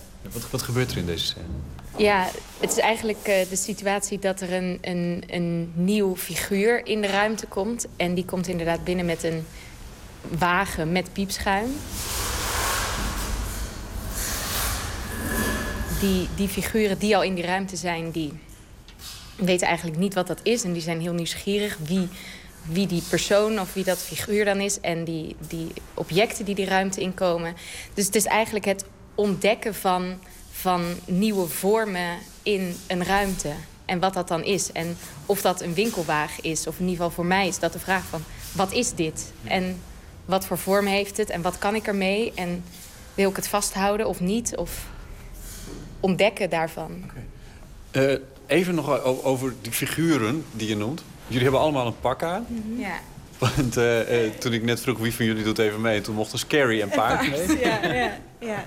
Scary komen we zo, jij bent ja, paard. Ja, klopt. Je hebt, eh, wat houdt het in? Ja, je hebt een... Ik heb, eh, nou, ik heb een paardenkop op en ik heb een, eh, een mooie broek aan en een bontjas. En eh, nou ja, ik ben het paard. En daar, daar blijft het eigenlijk ook bij. Dus het is, ook, het is echt een figuur met een bepaalde dynamiek. En die ontdekt dingen in de ruimte. Ja. En, en, en waarom zijn jullie figuren, eh, eh, dieren of, of enge gestaltes? Nou, hoe ik het nu eigenlijk ervaar is dat het heel... Het, is, het zijn dieren. En dieren die reageren heel schoon. Dus wij mensen zijn al mensen die overal aan alles een betekenis geven. Dus die ruimte is voor dieren is eigenlijk een soort van verblijf. En daar gebeurt iets in. Er komen mensen binnen. Er komt een, een kar binnen met piepschuim. En die dieren die, die kunnen dat heel erg bekijken en ontdekken. En opnieuw zien van, wat is dit eigenlijk? Ja. Voor mij is het daarom dat dat die dieren zijn. Om opnieuw even te kijken van... Goh, wat is dit voor ruimte? Waar zijn we? Wie zijn we? En wie zijn jullie eigenlijk?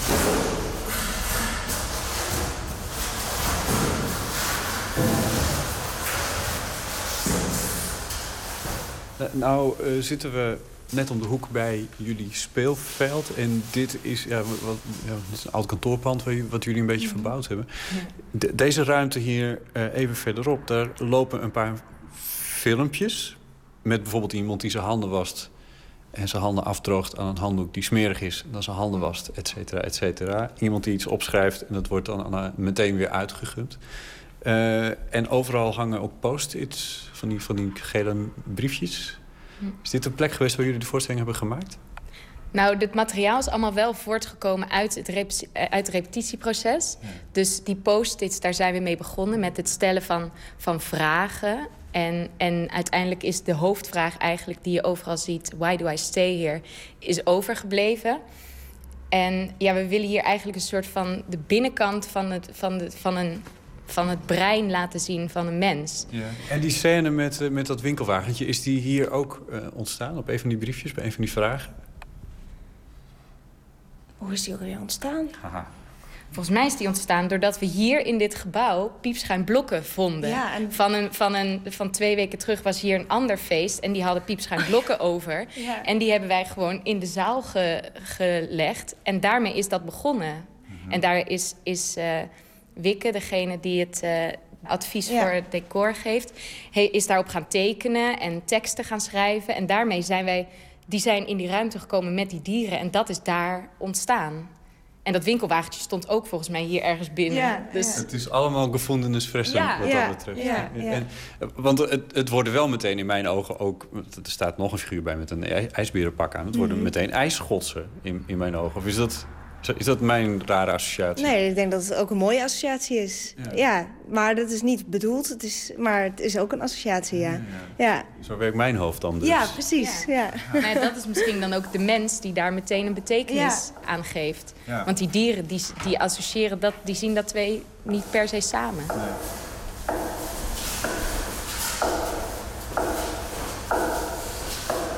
Suzanne, het, het, het idee, eh, het, het grote woord wat hier voortdurend eh, naar boven drijft... als ik het eh, als ik er ook over lees, is absurdisme. Ja, Dat ken ik natuurlijk ook wel van, van jullie. Dat jij en Bianca werken daar vaak. ja, ja. Ja, we zijn voor dit, voor dit project... valt voor ons ook onder de serie Visual Statements... waar we mee bezig zijn. Voor beeldende voorstellingen die gaan over... in deze wereld door beelden gedomineerd... dat het moeilijk is om, om in contact te blijven met, een, met jezelf... of met de echtheid en, en, en met het hier en nu. Met de- wat het echte leven dan is... en wat dat natuurlijk dan vervolgens wat dat precies is. En ehm, in onze vorige voorstelling, Hideous Women, die wij afgelopen seizoen maakten, waren we heel erg bezig met die, de illusie van het individu. Dus of, eh, of, of dat individu waar het dan de hele tijd maar over gaat, of dat wel iets is, wat is dat een bestaand iets, een vast iets. En ehm, toen we daar eenmaal in gingen, toen kwamen, hadden we ook zoiets van... ja, als je daar dus aan gaat twijfelen... of dat wat jij bent niet eerder een, een opeenvolging van losse ervaringen is... dan een coherent geheel, een soort vast... dan is het leven op zich eigenlijk ook zo een hele absurde gebeurtenis. En zodoende kwamen we bij, bij ehm, Camus... die dus een eh, essay heeft geschreven... naar aanleiding van de mythe van Sisyphus... om zijn idee over, over die, het abs- de absurditeit van het leven... eh, een hele mooie uitgangspunt daar, om daarop Ja. uit te komen, vonden wij. Ja, want- want wat Camus eh, eh, die probeerde een antwoord te vinden op de vraag van waar slaat het leven eigenlijk op? Ja. En hij kwam eigenlijk tot, tot een soort drieslag. Hè? Je, of, je, of je verliest jezelf in, in religie, in geloof. Ja. Of je pleegt zelfmoord. Maar ja, dat is ook niet heel erg, hoe zeg je dat, constructief Nee. voor de mensheid. Nee. Of er blijft absurdisme over. En dat mensen die daar volgens leefden, dat noemden die absurde helden. Ja.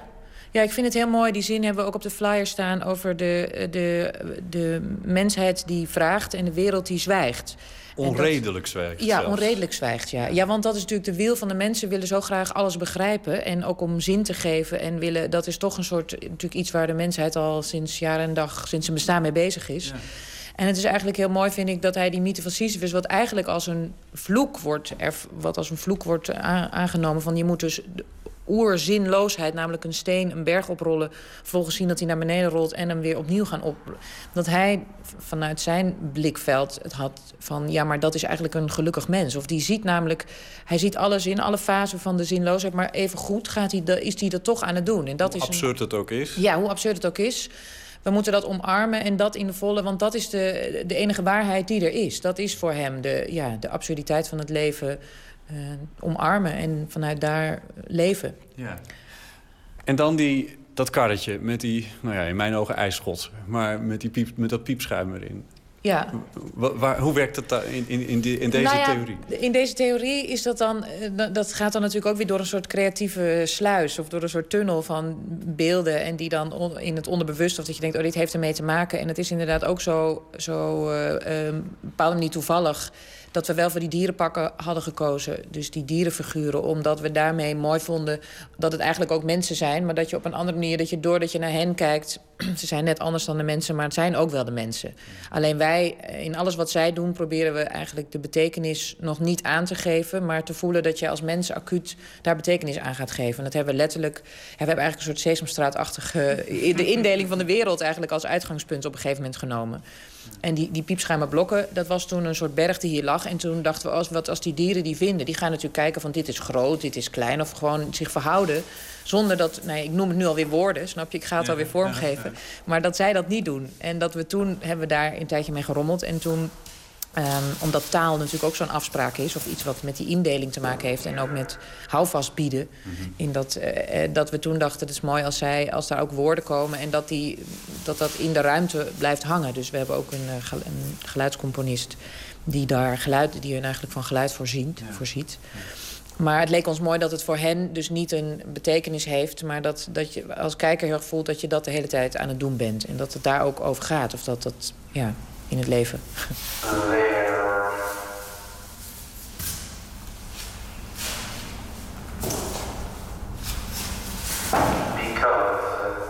Hierna, dus er is eerst een, een blok waarin er veel met, met eh, zinnen... en eh, die zinnen worden op een gegeven moment nog vragen... En op een gegeven moment vinden ze in de kast nog iets in de ruimte. En dat zijn eh, stukken touw, eh, tape, bolle wol. En dan gaan zij, ja, dat noemen wij, dan gaan ze kunst maken. Want dat is volgens eh, Camus dan ook de, de, de kunstenaar, is de, de eh, ultieme absurde held. Omdat die niet eens wil begrijpen of die wil alleen een vorm geven of beschrijven. Of op een andere manier ernaar laten kijken. En dan gaan de, die, onze dierenfiguren gaan dan ook op hun eigen manier. Maar dan gaan ze wel zo sporen achterlaten in de ruimte... dat de, die hele ruimte eigenlijk wat een soort witte... bijna een soort galerie is of zo. Die gaan ze dan heel mooi, eh, mooi maken. Maar gewoon niet, omdat zij gewoon bezig zijn met die spullen. Ja, ja. En dan wordt het uiteindelijk... eh, dus dat, eh, dat zit Eigenlijk ook een beetje wat jullie echt aan het doen zijn hier. Ja, met, met dat ja. vinden van dat piepschuim en, en die dingen. Ja, ja. precies. Nou zijn jullie eh derdejaars van de Artes toneelschool, hè? Mhm. dat heb ik goed. Ja. Ja, Eh, kennen jullie het werk van eh, Suzanne en Bianca? Ja, zeker. ja. Wisten jullie waar je aan begon toen je... Nee, dat weet je denk ik nooit. Nee. nee, ja, maar we wisten wel dat het een andere manier van werken zou, zou zijn. Ik bedoel, Het is misschien dat wel we- goed om even uit te leggen waarom jullie er ook een beetje om moeten lachen. Want de vorige voorstelling, die, je refereerde er al aan, eh, Hideous Women. eh, daar is heel veel over te doen in de theaterwereld. Eh recensenten die niet weten wat ze ermee moeten... er geen sterren durven te geven of geen beoordeling over durven te geven. Van ja, is dit nou theater? Wat is dit, is dit nou eigenlijk? Jullie hebben wel wat bewerkstelligd eh, met, met die voorstelling. Ja, nou niet dat we op die manier daarnaar op zoek waren, maar blijkbaar eh, is het, ja, het niet te duiden zijn of zo, of, mm, ja, zorgt voor verwarring. Maar ik denk dat, dat eh, kunst in het algemeen dat mag doen. Alleen op het moment dat het dan echt gebeurt, dan is het, want dat kan je wel de hele tijd roepen dat het daarover gaat. Maar als het dan echt gebeurt, dan is het ook weer onwennig of zo. Want dan past het ook weer niet in beschrijvingen of recensies. Precies, dan voel je ook weer daar de randen van dat systeem ook weer. Beetje absurd misschien. Ja, een beetje absurd, ja, toch wel. Ook maar ja, je zoekt dat er- het wel, want vorig jaar heb je op Oerol een voorstelling gemaakt... waarbij je een tribune opbouwde en weer afbrak. Ja, nou, ik bedoel, ik- zoeken is natuurlijk... Kijk, ik kan, wij kunnen heus wel bedenken van tevoren... Van, nou, dat zal, dat zal, en dat zal ook misschien wel niet voor iedereen zijn... of het zal wel iets zijn waar mensen mee weglopen... of wat mensen Mhm. haten. Dat kunnen we wel bedenken, maar het gaat... Ja, het is nooit een doel op zich of zo. Maar ik denk wel dat omdat we in onze onderzoeken steeds wel... dat we, ja, dan elke keer gaat het dan misschien weer wat verder... of dat het zich zo doorontwikkelt... dat het blijkbaar zitten we nu in dit gebied of zo. En dat eh, omarmen we dan ook maar. Nou ja, dat is die serie Visual Statements. In die zin past het er heel goed in. Ja, ja, ja, zeker. Ja. En ik vind het ook wel. Ik vind het mooi dat het eigenlijk, zoals bij de, de spectaculaire voorstelling, dat mensen op de tribune publiek bezig gaat met de definitie van dit is geen theater. En waarom wel er ontstond er gewoon een discussie op die tribune over of dat zo was. En, ehm, Hebben jullie hem gezien? Hebben jullie Ja, ja, een try-out hebben we gezien. Ja. Ja. En ook op Oerol uiteindelijk. Ja. Ja, En wat vond je ervan? Ja, ik vond het een bizarre situatie. Want ik wist inderdaad, ik had de try-out ook gezien. Dus ik wist wat er ging gebeuren. Ik wist wat de situatie was. En wat een. Ja, er ontstaat gewoon een voorstelling in het publiek, door het publiek. En dat, dat je ziet iets gebeuren en je voelt gewoon in het publiek dat, het, dat er iets gebeurt. Dat er mensen zijn die het extreem mooi vinden, die helemaal erin zitten. En drie, drie mensen verder, nou, zitten mensen achterom te kijken en naar de lucht. En die twee. Die, Of ze lopen weg. Dat is nou, ook ook, ja. En die mensen, dat gaat dwars tegen elkaar in. Dus het is, ja, het is ook iets... Sommige mensen die, die staan daar misschien open voor... en andere mensen misschien minder of die staan weer voor andere dingen open. Maar het is een bijzondere ervaring daardoor. En nu ben je zelf een onderdeel van zo'n visual statement. Mhm. Ja, ja, ja, ik vind het heel, heel bijzonder en heel leuk. Het is, ja, het is ook super leerzaam, ook voor ons, om op deze manier te werken. En ehm, om even niet de taal als, ehm, eh, als expressiemiddel te hebben. Of er- gezicht. Of je- gezicht. Ja. Maar het vraagt ook wel heel veel van mijn fysiek. Ik ben wel, wel degelijk ben je aan het spelen. Maar op een heel andere concentratie. En dat is echt ja, gewoon heel leuk. En je voelt ook dat je in een soort levend, beeldend kunstwerk staat of zo. En dat is wel echt... Ik, ik zou het echt heel graag ook zelf willen zien. Ik, omdat je op een gegeven moment heb je ook niet zo goed een idee meer. Maar ik ben daar best wel benieuwd naar. Ja.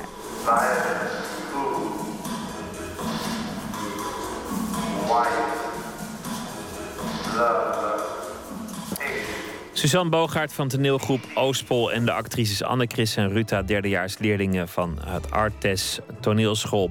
Vanavond gaat de voorstelling You Can Jump in première in Arnhem en daar is hij nog een eh, poosje te zien.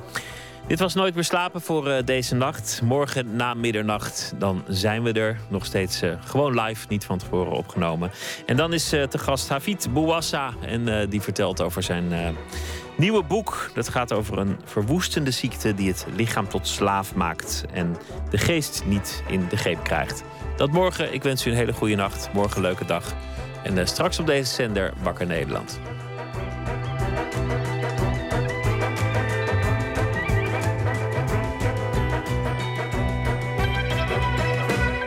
Op Radio 1. Het nieuws van alle kanten.